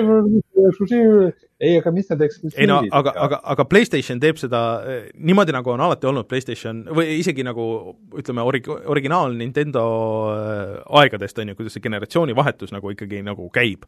et tuleb uus generatsioon, uued need eksklusiivid, siin on need, siin on need, mingid on nagu third party, mis on, siin on parem, siin on parem, on ju, eh, aga et kui on see uus generatsioon, siis on nagu okei okay,, nüüd on, alustame nullist jälle ja siis vaatame, et kummal läheb nagu paremini.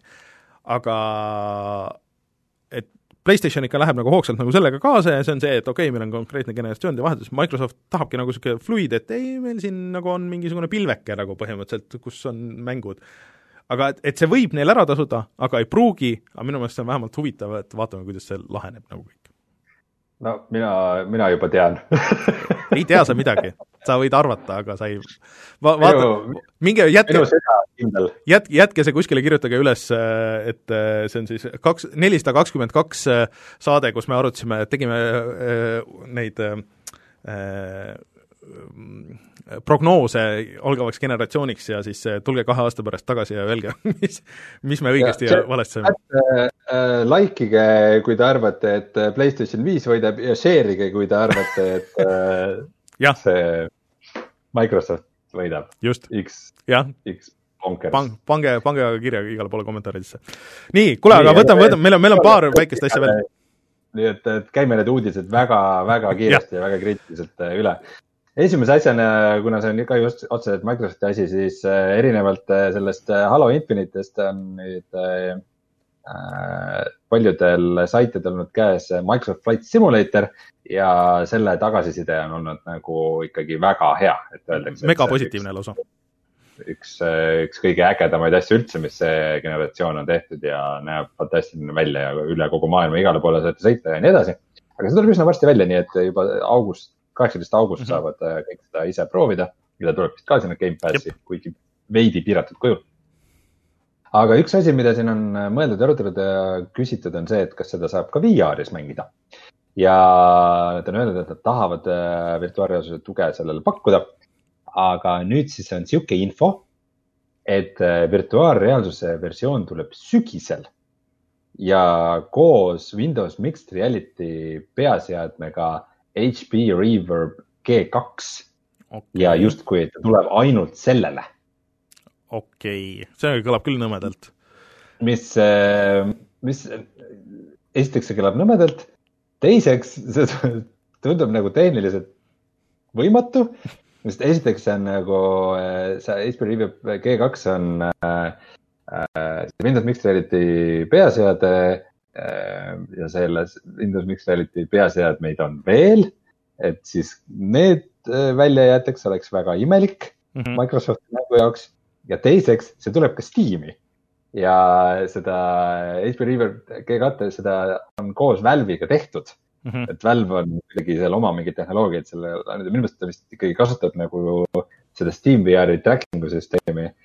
et, et kuidas ta saab mitte töötada nagu SteamVR-iga, kui ta on nagu SteamVR-i peale tehtud, et, et seal on nagu väga palju küsimusi, et mm. ma, ja see on kuidagi nii segaselt sõnastatud ja praegu eri saidid väidavad eri asja, et ma kahtlustan, et see on ikkagi kuidagi meelega valesti presenteeritud uudised sellele mm. peaseadmele huvi tekitada, et ta ilmselt ikkagi tuleb nagu, ta tuleb siis, kui tuleb see HP Reaver G2 välja, mis on kunagi sügisel mm. -hmm. tuleb siis see VR tugi äh, sellel Flight Simile, aga ilmselt ikkagi tuleb teistele asjadele ka. okei selge. nii, Epicus äh,, Epicu poodi tulevad achievement'id see on äh, kogu, ei pea sellest pikalt rääkima. lihtsalt ma, miks ma selle üldse siia panin, oli see, et äh, küsida, kas keegi üldse hoolib tänapäeval achievement itest, ma tean, et äh, Leveli poisid tegid terve podcast'i sellest põhimõtteliselt, aga äh, ma just mängisin kuskil midagi äh, ja siis ah,, Last of Us'i, ja siis äh, tuli pop-up ja trofee ja siis ma nagu jäin seda trofee listi nagu vaatama ja siis niisugune ainuke kord, kui ma olen üldse nagu hoolinud äh, achievement itest, siis äh, see oli ikkagi Xbox kolmesaja kuuekümne aeg. Äh, ja see, et äh, Steamis on veel eriti, et sul tuleb niisugune väike niisugune must mitte midagi ütlev nagu, nagu äh, see kastike sinna ja see number nagu ei näita midagi ja sa saad, Steamis sa saad häkkida neid suhteliselt lihtsalt, et see nagu võtab selle, kogu selle lõbu seal ära, et mis mul tekitas nagu lootust, et äkki seal Epicus nad lahendavad kuidagi ägedamalt, oli see, et, et okei okay,, et see on ainult see algus, et me tuunime veel seda ja et me kuidagi teeme selle äh, kuidagi uutmoodi lahendame, mis selles Epiku poe kontekstis võib tähendada, et see on täpselt samasugune nagu igal pool mujal, lihtsalt tuleb hiljem, aga, aga äkki Epic suudab meid panna hoolima achievement itest taas kord, aga ma väga ei, ei usu vist. ma arvan, et see aeg on läinud. viimane aeg, kui mina hoolisin achievement itest, oli siis, kui ma mängisin teleglitši.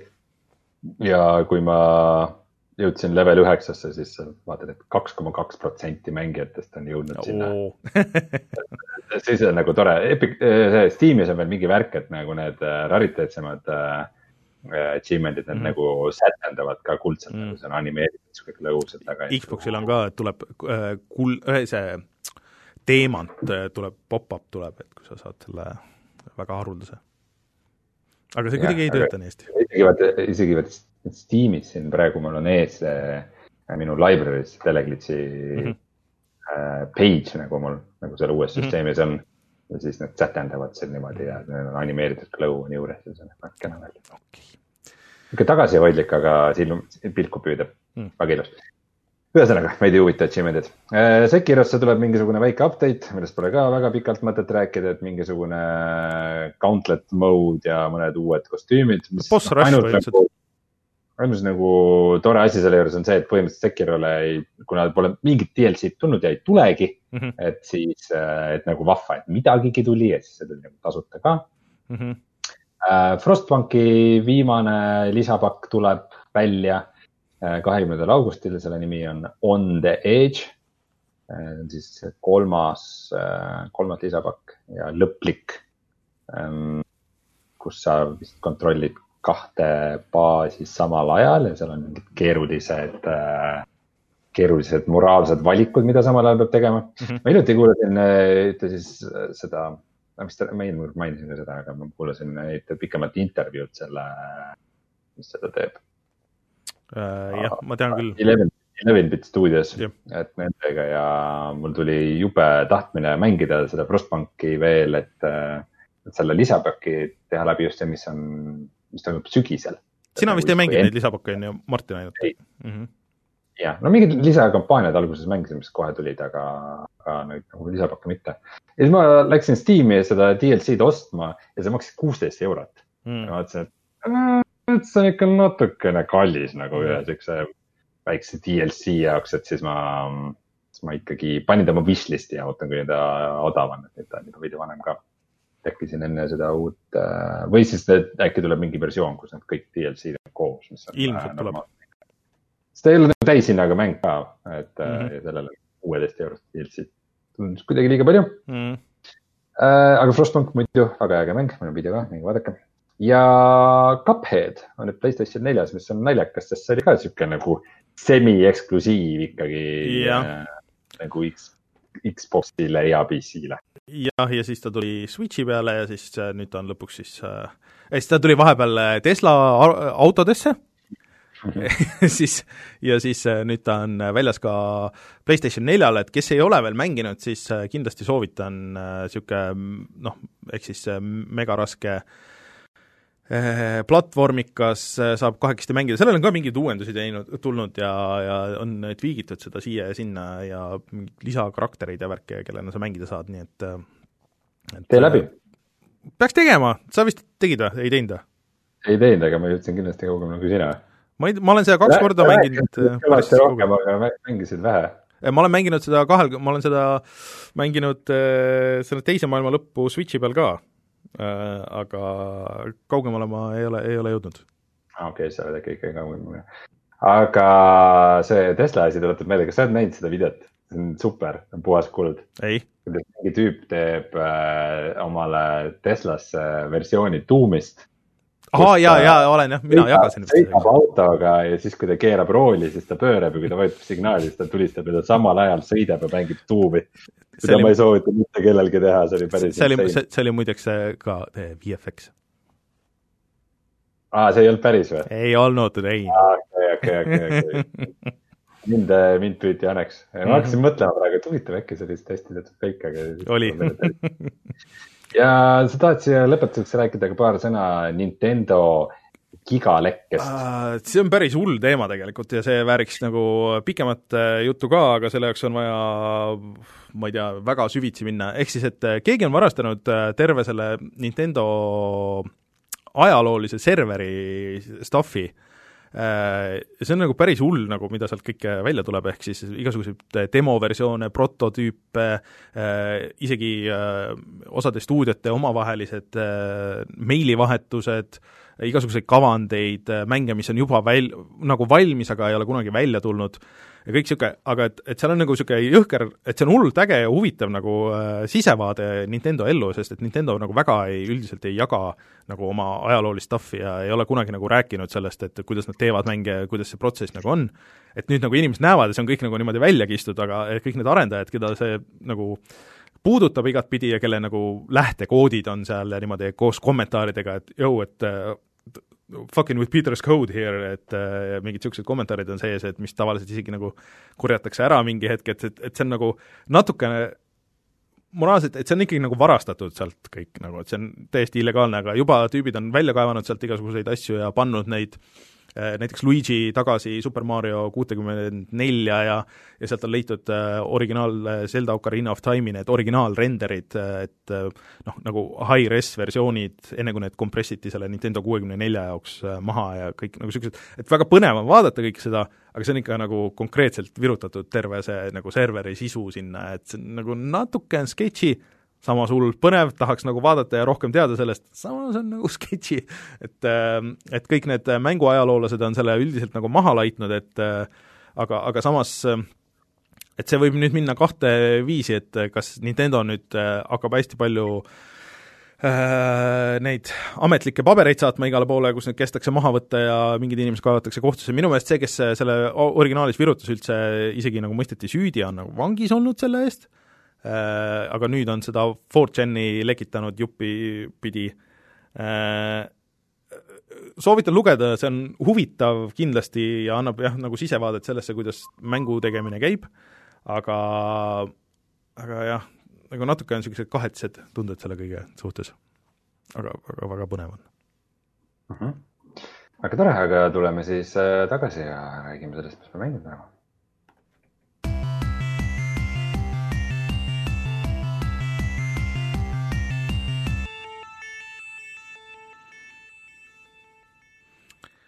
niisiis, Rein äh,, alusta sina võib-olla, räägi Foragerist meile veits. Forager um,, ma pean sellest mängust rääkimist alustama sellega, kuidas ma selleni jõudsin. sest et uh, nelja-aastane tütar tuli ja ütles, et ta tahaks midagi mängida uh,, mingit uut mängu mm. -hmm. talle väga meeldib Minecraft, aga tahaks midagi uut mängida. ja minu Steam'i library pakkunud talle huvi ja siis ma tegin lahti selle, kuna mul on praegu aktiivne Gamepassi subskriptsioon. Nonii. selle Gamepassi valiku ja ta näitas, oo, selle mängu pildi peal on kirga. mängime seda mängu. ja selle mäng oli Forager, et see, kuidas inimesed jõuavad mingi mänguni Gamepassis selle Gamepassis oli see mäng ja selle ikooni või selle nagu selle väikse title screen'i peal oli kirka ja nüüd ma seda mängin ja siis ma äh, natuke näitasin seda lapsele, pärast kui laps magas, ma prooviks ise ka natuke seda. ja siis mängisin seda mingi neli õhtut äh, väga kaua. Äh, sest see mäng on järjekordne. kas see on Reinu Kräkk või? sihuke, sihuke crack jah, mis, mis paraku mulle toimib väga hästi aga... aga räägime siis sellest, mis asi see Forager on, et ta on üks siis äh, järjekordne mäng äh, sellest, kuidas sul on ekraanil üks tegelane, kes kogub puitu ja kivi ja äh, rauda ja siis äh, sulatab sellest ra rauast rauakange ja siis kogub kulda ja teeb kullast kullakange, siis teeb neist asju ja siis ehitab mingisuguseid erinevaid hooneid ja kogud puuvilja ja teed sellest riideid ja nii edasi, nii edasi, edasi mis võib-olla Forageri natuke eristab, on see, et ta, ta näeb sihuke hästi nunnu ja nagu ma ütleks, isegi niisugune Nintendokas välja. ja et sul on tegelikult, sul on see alguse screen on nagu hästi nagu niisugune ekraan, et see mahub sulle ühele nagu, ta on pealtvaates või sellises mhm. isomeetrilises mm -hmm. vaates. ja siis põhimõtteliselt kogu see maailm mahub nagu ühele ekraanile ära. sinna, seal on ainult mingi paar puud ja kivi ja sa, sa vaikselt hakkad selle koguma asju ja siis läheb sul kõht tühjaks, sa pead midagi sööma ja siis saad midagi ehitada. aga siis sa saad äh, mingi hetk äh, mm, nagu, sa hakkad omale raha tootma, sa saad osta juurde maad. ehk siis äh, selle ühe ekraanikese, kas siis üleval, vasakul, paremal või all, sa ostad nagu ühe lapikese maad jälle juurde. ja siis sa saad sealt võib-olla mingeid veidi teistsuguseid ressursse ja, ja siis saad sinna ka ehitada ja siis sa saad veel rikkamaks, ehitad veel maad ja siis läheb lahti, sa saad ka kogemuspunkte ja sul läheb lahti selline mm, oskuste puu mm. -hmm. ja see oskuste puu, ma ütleks, on nagu päris huvitav Forageris. et äh, sa saad ikkagi suht nagu eri suundadesse minna mm. -hmm. et mm, nagu üks suund on umbes selline, et umbes, ma ei tea, korjad marju ja püüad loomi ja teed süüa Mm -hmm. aga teine suund on näiteks majandus, et nagu, et sa te, saad mingeid teha pankasid ja varakambreid ja, ja mingeid treidereid ja, ja nagu rohkem raha teenida ja siukseid asju. siis üks suund näiteks on veel maagia äh,. või noh, mitte otseselt maagia, aga mingid pommid ja scroll'id ja potion'id ja siuksed asjad. ja üks suund on põhimõtteliselt nagu tööstus Mm -hmm. et sa, sa hakkad õli, õli puurima merest ja teed mingisugused automatiseeringud ja isegi mingid raudteed ja sellised asjad. ja, ja see kõik on päris äh, lõbus ja, ja äge ja, ja sõltuvust tekitav, et ähm, ma küll, ma küll ei tunne, et see on niisugune mäng, mida ma mängiks nagu mitu korda, et pigem see, kuidas ta nagu avaneb, on nagu äge ja jälle tuleb mingeid uusi asju ja uusi mehaanikaid ja äh, aga noh, see, et kuidas sa oma need asjad paned või mis järjekorras sa mingeid asju teed või see ei, see ei mõjuta nagu liiga palju mängu mm. -hmm. et võib-olla ainult see, et mis, mis äh, no,, ka üritasin alguses näiteks minna hästi kiiresti nagu tööstuse poolele, et ma teeks mingid tehased ja automatiseeriks asju ja, ja rüüstaks kogu selle nunnu maailma ära ja paneks selle tehaseid täis ja mängiks Factoriat põhimõtteliselt aga, aga see, see ei õnnestunud mul, sest et äh, sageli mingisugused ressursid, mida sul on vaja, et umbes toota elektroonikat või teha mingeid siukseid asju, et sageli need ressursid tulevad hoopis nagu veidi rohkem mingist teisest puust, et mm, -hmm. et umbes kaevandada mingeid paremaid asju, et see on rohkem nagu gathering ja, et need ikkagi, nad peaksid üsna hästi nagu üksteisega kooskõlas olema, et sa ei saa nagu spetsialiseeruda väga selgelt nagu ühte või teise mm -hmm. suunda. et pigem sa nagu pead, pead veidikene, veidikene rohkem ühtlustama seda, kuhu sa neid punkte paned aga kas see on ainult üksikmäng ja see on kuidagi juhuslikult genereeritud või, või on need konkreetsed levelid või nagu missioonid seal või, või kuidas see ülesehitus selles suhtes on? ma isegi ei ole kindel, kas see on juhuslikult genereeritud või mitte ähm, ma kahtlustan, et ei ole mm. -hmm. et seal on ikkagi suht selgelt ette antud, et võib-olla seal mingi väike random element on sees. no selles mõttes see sul kogu aeg nagu respawn ib neid ressursse sinu ümber, et tuleb mm -hmm. nagu uued puud ja mingid tekivad uued loomad ja, ja siis mingeid neid mineraale ja asju, et neid muudkui nagu tekib. ja mm, on ka tekkinud mõned dungeon'id, äh, nagu on, mis on rohkem nagu siukse kombati orientatsiooniga, kuigi ta ei ole kunagi nagu väga brutaalne või raske mäng. okei okay,, mõnikord ma olen surma ka saanud ikkagi seal dungeonites. Et, ähm, et võib-olla kõige kohasem oleks teda võrrelda nagu Stardew Valley'ga mm, -hmm. aga ta, ta on võib-olla natukene vähem zen, äh, vähem, vähem põllupidamist mm -hmm. ja rohkem oma nagu olemuselt võib-olla äh, rohkem võiks Minecraftiga võrrelda, ei tea, Minecraft on rohkem ehitamine, see nagu ei ole ka päris õige võrdlus. aga ma saan aru, et see on et, Humble'i välja antud mäng? jah, ja tema stilistikalt äh, on, on niisugune ka hästi, hästi vahva ja ma ütleks, et mulle küll tekitab niisuguseid vana, vana Nintendo vibe'i mm -hmm. väga hästi no,. võib-olla, võib-olla nagu PC, PC mängijatele, kellel Animal Crossingut ei ole ka, sügab mingit õiget kohta no aga mm, Äh, et aga see on täiesti ainult üksikmäng, on ju, et, et, et sa mängid üksinda, et sa kellegagi nagu koostööd või midagi niisugust ei saa teha? Jah, minu teada praegu ainult äh, üksikmäng ja seal oli ka mingi roadmap oli väljas, nii et võib-olla ta ei ole veel ka päris valmis mm. -hmm. et, et mingeid asju tuleb juurde mm -hmm. ja tal oli ka modide tugi mm,. okei okay.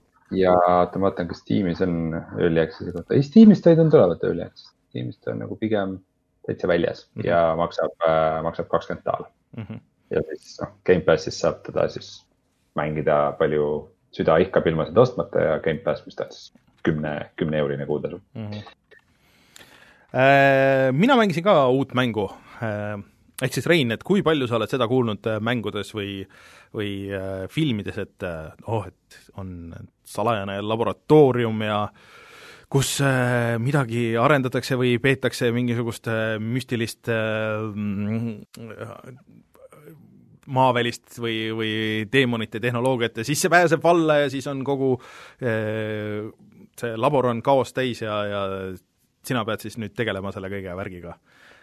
no ma kunagi töötasin Tartu Ülikooli biomeedikumis, nii et see et, iga päev Äh, aga Rein, Rein, sina pead koristama seda nüüd. ja, ja, ja veel, kui sa siia lisad nagu mänguvõtmes, et okei okay,, et see nüüd on siis külje pealt vaates niisugune piksliline Metroidvania, on ju, et noh, nii, okei okay,, et ma tean täpselt, mis see mäng on ja neid on kümme tuhat tükki alates Super Metroidist, on ju.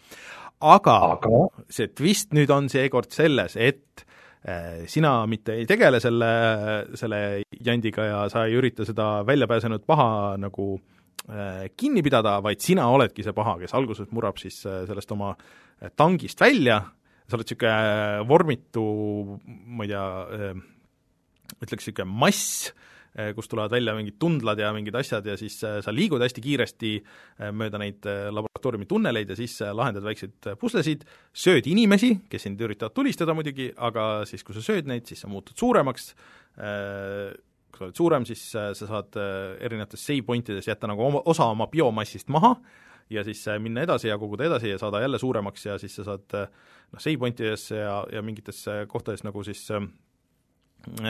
ka reisida nagu selle suure kaardi vahel, et see on üks suur nagu avatud kaart, aga siis sa lahendad mingeid väikseid puslesid seal selle maailma sees ja, ja siis avad nagu uusi osasid sellest.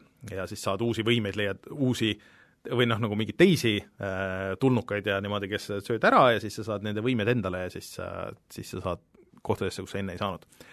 et see on äh, Devolveri välja antud siis äh,, kes on väga nimekas juba praeguseks äh, indie väljalaskja, ja tavaliselt need Devolveri mängud, et vähemalt on nagu väga kvaliteetsed ja seda saab ka öelda, aga ma olin üllatunud, et ma olin neid videoid nagu näinud sellest äh, Carry-Onist ja et, et kuidas nagu see liikumine ja kõik seal käib, aga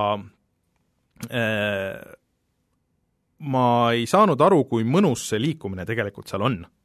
ehk siis see, mhm. kuidagi see kui sa puldiga lähed ka, siis, sest ta liigub hästi kiiresti, see, see olend seal äh, ja ta haarab hästi kiiresti, et sa põhimõtteliselt, kontroll on nagu natuke äh, teistmoodi ka, et, et sa nagu löö, et sa liigud ühe stikiga ja sa lööd äh, oma nagu need kombid sealt välja teise stikiga ja siis ühe trigger'iga sa karjud nagu ja siis sa saad teada, et okei okay,, kus on veel seda sinu biomassi, et kus sul nagu mingid save point'id ja mingid asjad on, et kuhu poole minna ja, ja et sul otseselt vist kui ma õigesti mäletan, siis kaarti ei olnud vähemalt alguses. Äh, aga see oli päris tuus, et ma tegin niisugust esimesed kaks seda osa nagu läbi, selle mingi ma ei tea, mängisin mingi poolteist tundi või, või kaks tundi ja ma ei tea, nagu tahaks veel minna sinna, et et mul jäi nagu väga hea mulje sellest, et hoolimata sellest, et, et alguses kirjeldus tundub nagu väga stereotüüpne. et mm siinkohal aitab ka kaasa see, et see on olemas siis Xboxil äh,, Switchil ja arvutil, aga siis äh, Xboxil ja arvutil ta on siis ka Gamepassis, nii et äh, kõik saavad, minu meelest on selles arvuti Gamepassis ka juba olemas. vist oli küll, jah. et äh, kõik saavad ise proovida, et äh, see on päris tuus äh,, et ma tahaks näha, et kuhu see viib veel, et kui, kui palju ta sellest äh, standard äh, Metroidvania sellest äh, formaadist siis nagu kõrvale kaldub, et kas tuleb veel mingisugune twist siia juurde peale selle, et okei okay,, et sina oled see paha, kes üritab nagu välja saada, aga aga see põhiasi kui palju seal nagu niisugust nagu arengut on, et nagu level, ühe leveli piires ja levelite vahel mm. kas sa nagu kasvad pidevalt suuremaks? sa ei nagu kasva ühe... nagu, sa ei kasva nagu, nagu nii jõhkralt suuremaks, aga niisugune noh, ütleme kahe-kolmekordistad oma suuruse, aga iga kord, kui sa save'id, siis sa jätad nagu osa sellest oma biomassist maha ma ei tea, kas see võib-olla hakkab nagu rohkem, see praegu nagu ei ole tulnud nagu väga mängu, et äh, võib-olla siin äh, hiljem nagu tuleb, äh, võib-olla sa pead olema suurem või väiksem, et mingitest kohtadest edasi saada mm,, hetkel nagu seda pole olnud et Chatsin ütleb, et jah, Sten oli kurtnud Level ühe podcastis, et sinnamaani oli lõpus, kuni ta lootusetult ära eksis nagu sinna maailma, aga see on asi, teades Steni, siis tema, talle see Metroidvania formaat anyways väga ei meeldi, et see on asi, mis tuleb igas Metroidvanias korra läbi elada, sa peadki korraks ära eksima ja siis kui sa jälle leiad üles, et okei okay,, kus sa oled, kuhu sa minema pead, siis tavaliselt see tähendab seda, et sa tead juba seda kaarti oluliselt paremini võrreldes sellega, mis enne oli. nii et äh, Carry on ma olen, mängisin päris palju selle Carry'ni eelmist osa. eelmist osa? kas see on järg millelegi? see on äh, mingis mõttes on ta mõtteline järg Butcherile mm.. Äh, sama stuudio kaks tuhat kuusteist aasta mäng mm., aga noh, see, see on, ta on ka nagu külgvaates ja sihuke veidi piksline graafika mm või noh, Butcher oli väga piksline. et äh, aga Butcheris olid siiski nagu üks, üks tegelane mm, -hmm. äh, nagu humanoidne mm, -hmm. kellel olid püssid ja värgid ja oli ka mingi sarnane vist ka, aga nüüd põhi, aga point oli ka see, et sa oled ikkagi paha ja tapad mm -hmm. nagu mingi, mingi labori teadlasi ja sõdureid ja veristad neid mööda ogadesse mm -hmm. seina peal. et äh, no see aga need stilistiliselt on nagu väga mm, väga sarnased, et mulle tundub, et see on ikkagi paljuski nagu sama mäng. et ma näen, kus see error nagu siin võib tulla, et noh, need äh, ruumid, kus sa liigud, et on nagu üsnagi nagu sarnased, et sul võib-olla ei pruugi meelde jääda, kus, mis täpselt oli, kui sul on vaja noh, kuna Metroidvania teema on ju, et sul on vaja siis hiljem tagasi minna mingitesse kohtadesse ja siis siis sa pead meelde tuletama, et okei okay,, kus osas see nüüd täpselt oli ja kui see ei ole nagu nii täpselt disainitud, et sulle iga see koht eraldi meelde jääks, et see võibki olla raske. aga vähemalt selle esimese alguse põhjal äh, mul jäi pigem nagu hea mulje ja, ja pigem nagu see mulje, et okei okay,, et, et ma tahaks edasi mängida, aga see kõik ongi see, et nende külje pealt platvormikate teema, mida ma olen alati rääkinud, et kui see kontroll on mõnus ja sul seal lihtsalt niisama ringi liikuda seal maailmas on mõnus, et see on juba nagu niisugune pool võitu, et siis äh, edasi võib juba päris palju andeks anda. ja see on siin, on paigas. kas võib öelda, et see on ka mõtteline järg Kishile? kusjuures jaa, mulle natuke meenus ka, aga siin, vaata Kishis oli hästi palju niisuguseid neid äh, noh, nagu liikumispuslesid või et noh, et kus sa said ja kus ei saanud olla, et, et sa pidid muutma seda oma vormi ja raskust nagu, et siin veel seda ei ole olnud, aga ma näen, et seda saaks tulla ja ilmselt, ilmselt kuskil tulevikus võib-olla on. aga väikseid, väikseid seoseid võib muidugi ühe mänguga veel tuua, nüüd on piisavalt kaua aega möödas, et võib nagu natuke spoil ida. Ah, veidi sarnane moment on, sa juba tead, millest ma räägin? jaa, ma tean, millest sa räägid, ma mõtlesin selle peale ka. et uh, Inside mm. -hmm. Inside'i äh, see jah. Limbo edasiarendus, kus oli no mitte, mitte, mitte päris samamoodi, aga, aga mingi sihuke sarnane nüanss oli seal ka mm. -hmm. aga soovitan proovida, kui kellegi Gamepass on olemas, siis, äh, siis noh, ei ole küsimust, et äh, tõmmake alla ja tšekkige, et see on äh, mahuliselt väike indikas ka nagu selles mõttes, et et tüki küljest ära ei võta, et äkki see kontroll istub teile ka nagu mulle no,. mul on, mul on praegu jama nagu, et ma olen läpakaga maal mm -hmm. ja mõtlen, et noh, et võib-olla küll Carrion oleks miski mm, -hmm. mida ma tahaksin mängida. aga ma ei taha seda Xbox'i jura oma läpakasse installida, ma ei taha, et mul kogu, kogu no, läpakase kataloogisüsteem ka nagu pekki keeratakse noh, vot see on jah, keeruline asi ja see, ta ei ole ainuke internetis jah, kes on kirunud seda, et see kõik on väga õudne. aga mm -hmm. Õnneks äh, ma pean ainult ühe masinaga diilima ja siis, siis ei ole, ei ole nii keeruline. vot äh,, mis sa veel oled mänginud? siis ma natukene olen veel mänginud niisugust mängu nagu Paper Beast mis on siis äh, hoopis teine mäng kui Paper Mario ja hoopis teine mäng kui Papers, Please. või äh, oota, mis see Beast, Gang Beasts? jaa, läks asi veel segadamini äh,. Paper Beast on siis VR-i mäng, äh, mis oli alguses äh, PlayStation VR-i eksklusiiv ja nüüd ta kõigest umbes kuus päeva tagasi tuli, tuli välja ka arvuti peale Steam'i siis pealt mm., võimalik, et on teiste platvormidega uh.... ja, küll Oculus'e poes ja okay. võib-olla ka Epic. aga äh, Paper Beast'i on muidugi nüüd natukene raske kirjeldada, sest on, seda peab ikkagi natuke nägema, et aru saada üldse, mis see on, et äh, väga sihuke artistlik mäng. ta on üsna niisuguse lihtsa äh, visuaalse stiiliga ja ma ei ole veel nii palju mänginud seda, et ma võiks täpselt öelda, mis selle žanr on et teda on öeldud, et seal on nagu, ta läheb mingisuguseks niisuguseks nagu god game'iks nii-öelda, et sa oled justkui mingisugune jumalus, kes äh, seal mõjutab universumit enda ümber äh,. aga see osa, mis ma olen siiamaani mänginud, on pigem selline, selline väga artistlik äh, seiklus mm. -hmm. kus ma olen kuskil kõrbetes ja koobastes seigelnud ja, mingite väga sürride olevustega, kes sageli näevad välja nagu nad oleks paberist volditud mm. -hmm. et ma olen nendega kohtunud, et. Oled sa kindel, et sa Paper Mariot ikka ei mängi? üsna kindel esimene kontakt ongi siuksed nagu umbes nagu mingid antiloobid või mingid sellised loomad on seal kõrbes, need on nagu paberist volditud loomad ja sa annad neile süüa paberitükke maast. ja siis nad umbes mm. jooksevad neil järgi ja ja nagu võitlevad omavahel sellega ja siis tuleb mingi värvilisest paberist äh, niisugune nagu kiskja, kes nagu võtab ühe, ühe selle looma ja nagu veab ta oma, oma kuhugi pesasse ja murrab ta seal maha ja hakkab teda nagu üks paber korraga nagu sisse imema endale ja see. ja noh, VR-is nagu on see, et nagu animatsioonid, selleks, et see nagu maha müüa, peavad need animatsioonid olema märksa parema kvaliteediga mm. -hmm ja see toimib ikka seal väga oivalt, sest see helitaust on ka nagu täiesti top notch.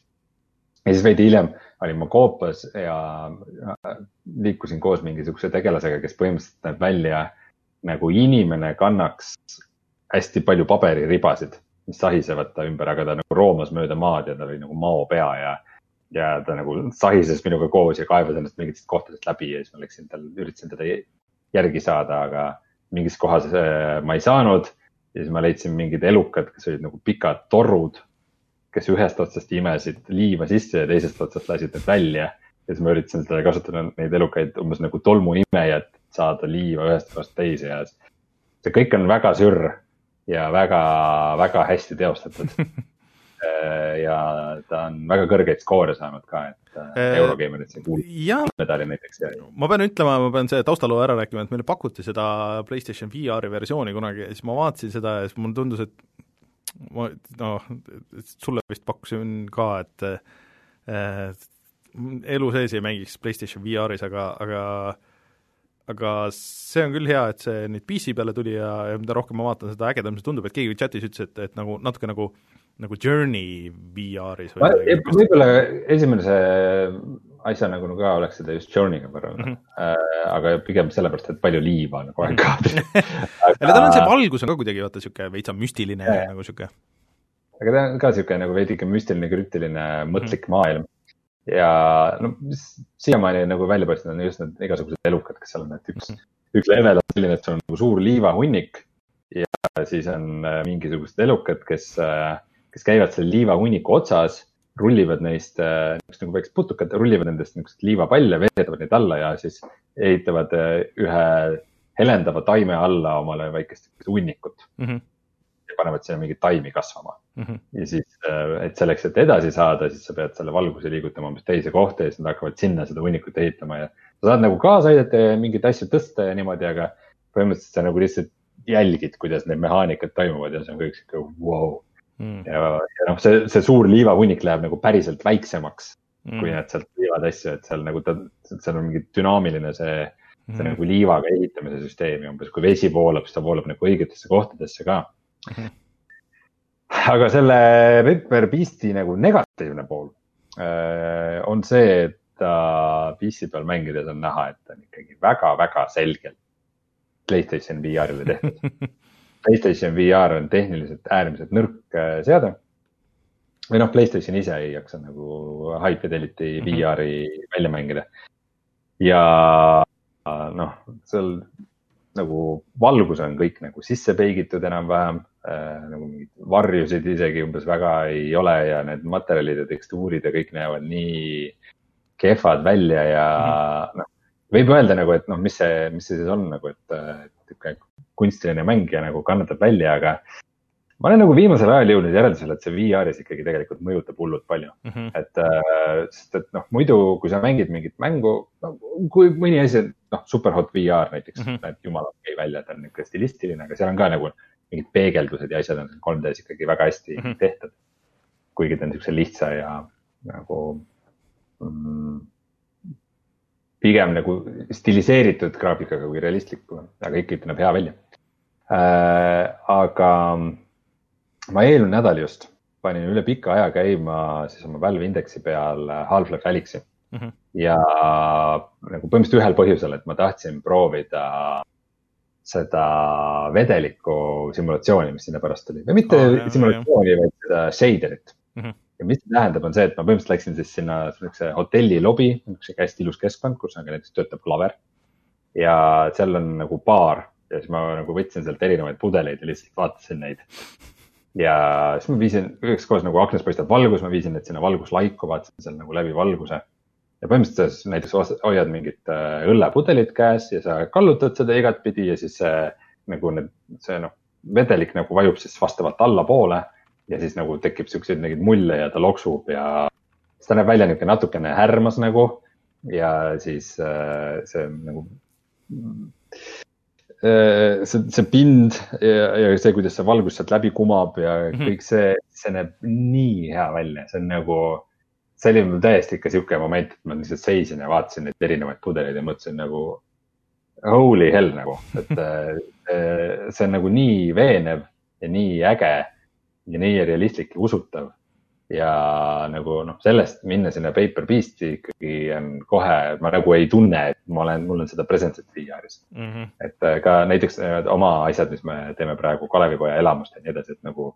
kui nagu mingid materjalid ja asjad on nagu hästi tehtud ja mingid uued asjad hakkavad toimuma umbes, et sa hoiad mingit mõõka kuskil lõkke juures ja sa näed selle peal no. seda lõkke kuma no, ja nagu peegeldust. paljuski on. see, see nagu VR-is, su aju ei võrdle seda mitte teiste mängudega, vaid su aju võrdleb seda päris maailmaga ja see, need asjad on olulised. et see üle, üleüldse. väga nagu Playstation äh, VR kahte.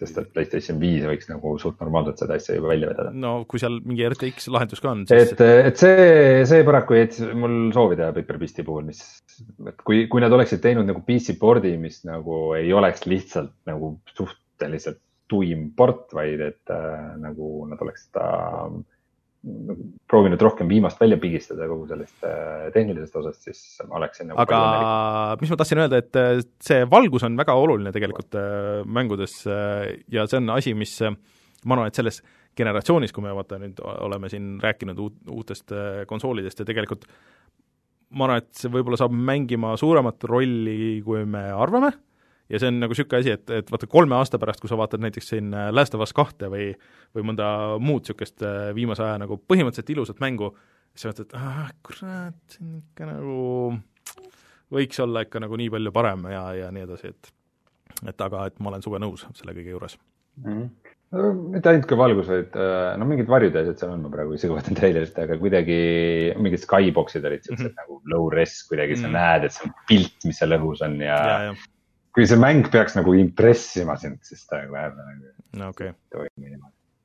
aga, aga ma tahaks seda kindlasti edasi mängida, et ma viimati mängisin, tähendab see, kuhu ma pooleli jäin, ma jäin tegelikult natukene kinni no, okay. ühte kohta, et. aga seal on mingi. võimalik, et oli mängusüü, et mingi asi ei trigerdanud ja mingi tüüp jäi kuhugi kinni. aga, aga tal on aga... nagu sihuke konkreetne lineaarne story, kus sa siis lähed edasi, et, et ei ole lihtsalt. ja, see algus on olnud väga lineaarne, ma arvan, et pärast ka aga ta ei ole nagu, ta on nagu selles mõttes on tore, et ta ei ole nagu väga nagu konkreetne, et mm. nagu nii, vajuta nüüd seda nuppu, et edasi minna, vaid vahepeal ongi, et sihuke, mis sa tegema pead, on sihuke kuidagi kaudsem või, või see, sa ei ole nagu ise, et sa võib, võib-olla isegi ei nagu ma rääkisin nendest äh, putukatest, kes seda liivi sinna ühte kohta kogutad mm, -hmm. et sa võib-olla oled rohkem nagu mingi katalüsaator, kui, kui nagu, et sa otseselt interakteerud, et okay. osa on sellest. aga see on jälle huvitav nagu mõnes mõttes, aga siis no, see tähendab seda, et, et kõik need äh, mehaanikad seal ümber ja kõik need äh, stu-, asjad, süsteemid peavad toimima, et kui need ei toimi, siis see võib väga frustreeriv olla, ma kujutan ette. ja, ja. aga ma räägin siia lõppu veel natuke seda äh, Paper Mario kohta, et äh, millest meil siis loodetavasti tuleb video. aa, jaa, ja kas me tahame midagi panna värskesse kulda veel nendest asjadest, mis me rääkinud oleme? no ma vist Forageri paneks küll, jah mm.. Paneme Forageri, me ei ole ammu midagi pannud. vaatame siin, kus on meie kuld, värske kuld. ma isegi ei ole päris sada protsenti kindel, kui värske ta Forager on. Ma, mulle tundus, et mingites siit kohtades on, et kaks tuhat üheksateist tuli välja, nii et tegelikult aasta no, vana no,, aga ikka soovitan. nojah, paneme ta Man-Eateri asemele siis. ja kas Rainer paneb ka Carrioni värskesse kulda? ma veel ei paneks, ma arvan, et äh, see on niisugune mäng, mis tahab ka nagu natuke mängimist veel saada, enne kui, äh, enne kui äh, ma sada protsenti selle nagu julgen sinna panna, et äh, aga mille ma kindlasti tahaks panna, on siis äh, Paper Mario Origami King. Et mm. äh, ma panen selle kohe siia ära ja siis ma räägin edasi. Mm.. et mida rohkem ma mängin, seda rohkem mulle see klikib, see võitlus, ja nagu ma alguses ütlesin, siis et, et täpselt, et aru saada, et kuidas see võitlus töötab, siis äh, siis äh, Äh, peate seda videot vaatama või siis äh, kes vaatavad seda videoversiooni sellest äh, saatest praegu, siis ma üritan siia manada näiteks bossi võitlust e-, ekraanile, et, et natuke nagu aru saada sellest, et mis toimub. et, et ähm, ta on kuidagi nagu selles mõttes äh, väga huvitav, et, äh, et see võitlus on nagu hästi hektiline või et sul on, sul on äh, taimer, mille, millega sa pead arvestama ja siis sul on äh, piiratud arv liigutusi ja sul on piiratud arv äh, mingeid hüppeid ja asju, mida sa võid teha ja äh, sa pead kogu aeg nagu vaatama, et okei okay,, mis ressursid mul on, millega ma pean tegelema ja kõik nagu see. aga siis, kui sa oled sellest võitlusest väljas, et siis on nagu niisugune chill, et okei okay,, et siin rahulikult avastad seda maailma, mis on niisugune poolavatud, niisugune, niisugune sõlmmaailm nagu kus on hästi palju neid äh, peidetud äh, toad'e siis, mis on teema, et noh, see origami kuningas siis loopis kõik need toad'id laiali ja et et neid on nagu põhjust otsida, sest et äh, nad avavad sulle mängus nagu erinevaid asju ja need on nagu konkreetne ressurss, et need ei ole lihtsalt nagu niisugused suva kogutavad asjad. pluss siis nad kõik teevad nalja ja see nali on väga hästi kirjutatud ja kõik see ja ja muusika on väga hea, chill ja, ja mulle nagu järjest rohkem see stiil ka nagu on hakanud meeldima, et see on see, mis rääkisid selle mm, Paper Beastsi puhul ka, siis et mulle kuidagi tundub, et neil on hästi nagu realistlikud materjalid. Et see on, on noh, kõik samamoodi nagu paberist volditud ja sa vaatad, sa näed, et okei okay,, et kuidas see, kus, kuhu mingid voldid tehtud on ja kuidas üks asi teisega kinnitub, et, et okei okay,, et siin on nagu läbi mõeldud, et ahah, et siin on mingid liimimisjäljed või voltimisjäljed nagu, et, et okei okay,, kuhu see maailmas nagu mingi vidin läheb, äh, ja need näevad välja nagu siis päris paberi ja need tegelased on ka nagu päris nagu paberist, niisugusest flat'ist ja niimoodi ja aga need animatsioonid on niisugused huvitavad ja need reageerivad nende valguse ja varjudega nagu seal maailmas, et, et see kõik nagu töötab äh, väga tuusalt sinna kokku äh,. Aga see ongi nagu see, et ähm, et siin on nagu kaks või kolm mängu nagu koos, et mis kui neid, et siin on nagu palju räägitud, okei okay,, et, et võiks olla noh, et kellele see nagu võitlusosa ei meeldi, on ju, et võiks olla ainult niisugune adventure game nii-öelda ja siis osad räägivad jälle vastupidi, et seda võitlust võiks olla rohkem ja rohkem RPG-likum veel et mulle tundub, et siis ta nagu ei toimiks kokku, et mulle just meeldib, et, et siin on nagu nii palju neid erinevaid elemente, mis lõpuks nagu töötavad koos ja, ja see teeb minust, minu meelest selle nagu niisuguseks ägedaks tervikuks. et äh, ma arvan, et siin on kahju, et Martinit ei ole, ma lootsin, et et talle saaks näidata, sest et äh, ma arvan, et Martinile võiks see mängida või, või meeldida just, et äh, see nuputamise ja see, see võitluse ja see osa. Äh, ja mulle tundub, et see toimib ja see läheb aina nagu ägedamaks, et ma olen kuulnud, et bossi võitlused äh, lähevad ka järjest paremaks, nii et ootan huviga, kuhu, kuhu see kõik jõuab ja see on päris pikk ka, et ta on mingi, ikka mingisugune kakskümmend tundi või midagi niisugust, kakskümmend viis tundi, et on, mida mängida. Mm -hmm.. vot. Et ma, ma üritasin mitte rääkida neid asju ära, mis me, mis me videos räägime või rääkisime, et et uh, uut infot inimestele, et uh, et aga ma olen jätkuvalt positiivselt üllatunud, et arvestades, et viimased Paper Mariod ei ole olnud nii head, siis see on, minu meelest on väga äge. okei. Okay.. vot. Äh,, aga siis äh, aa, meil chat ütleb, et ma võib-olla panin väljas järjekorras need asjad, aga, aga noh, vaatame võib-olla pärast üle seda. aga ma ei tea äh,, tundub, et kõik asjad on räägitud vist äh, ja siis äh, või tahad, Rein, et ma räägin sulle hästi pikalt Animal Crossingust, millest tuli uus update ja nüüd saab unemaailmas käia ja kõiki neid asju või? ma tegin Diablo kahte moodidega vahepeal, ma võin sulle sellest rääkida hästi pikalt. no ma arvan, see on suhteliselt võrdselt, võrdsel tasemel jutt, aga tuleme siis kohe tagasi ja vaatame, mis on internetis odav.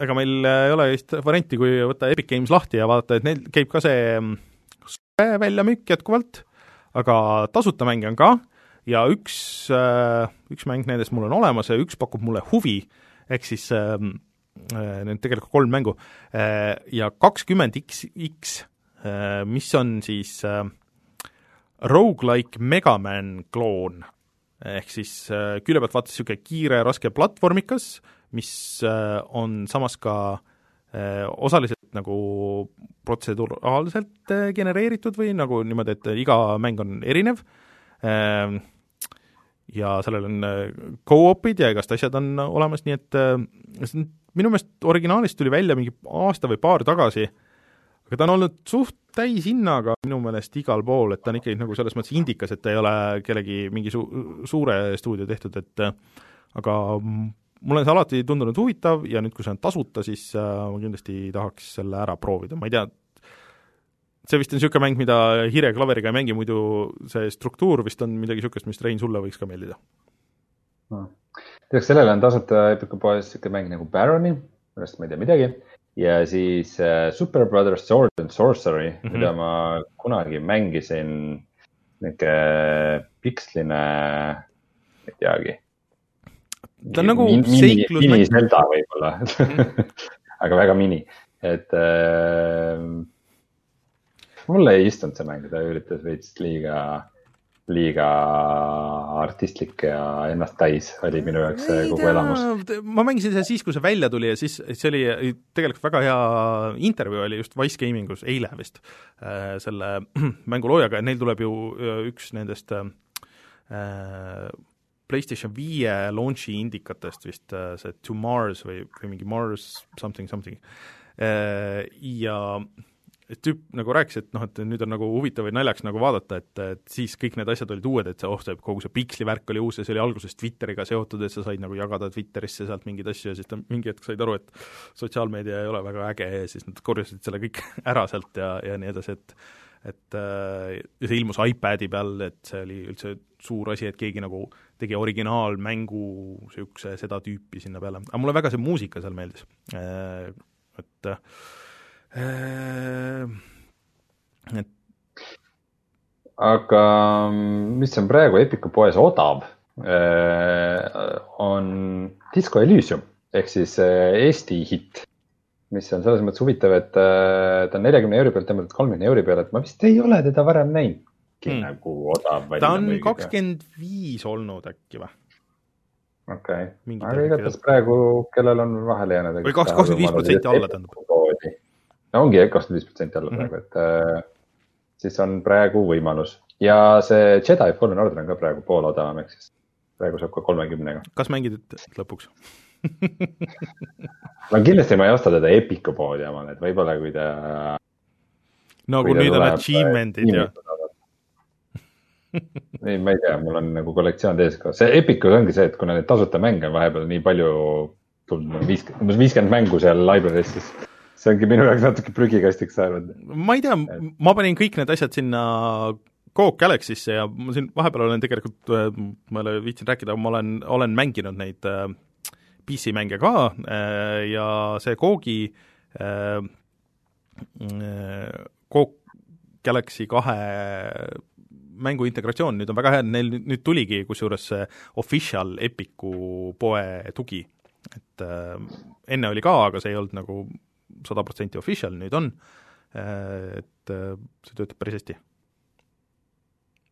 aga okei okay,, sellega on vist äh, väljamüügid välja müüdud jah, kindlasti on kuskil veel midagi odavalt, aga äh, ma tean äh, Uno, Uno kaardimängu saab praegu Steamis kolme euri. Switchi äh, e-shopis on ka allahindlused äh,, näiteks selle Castlevania Collection'i saab äh, viiekaga praegu, mis on päris hea diil ja see, see see ka see hmm, Contra Collection oli viieks.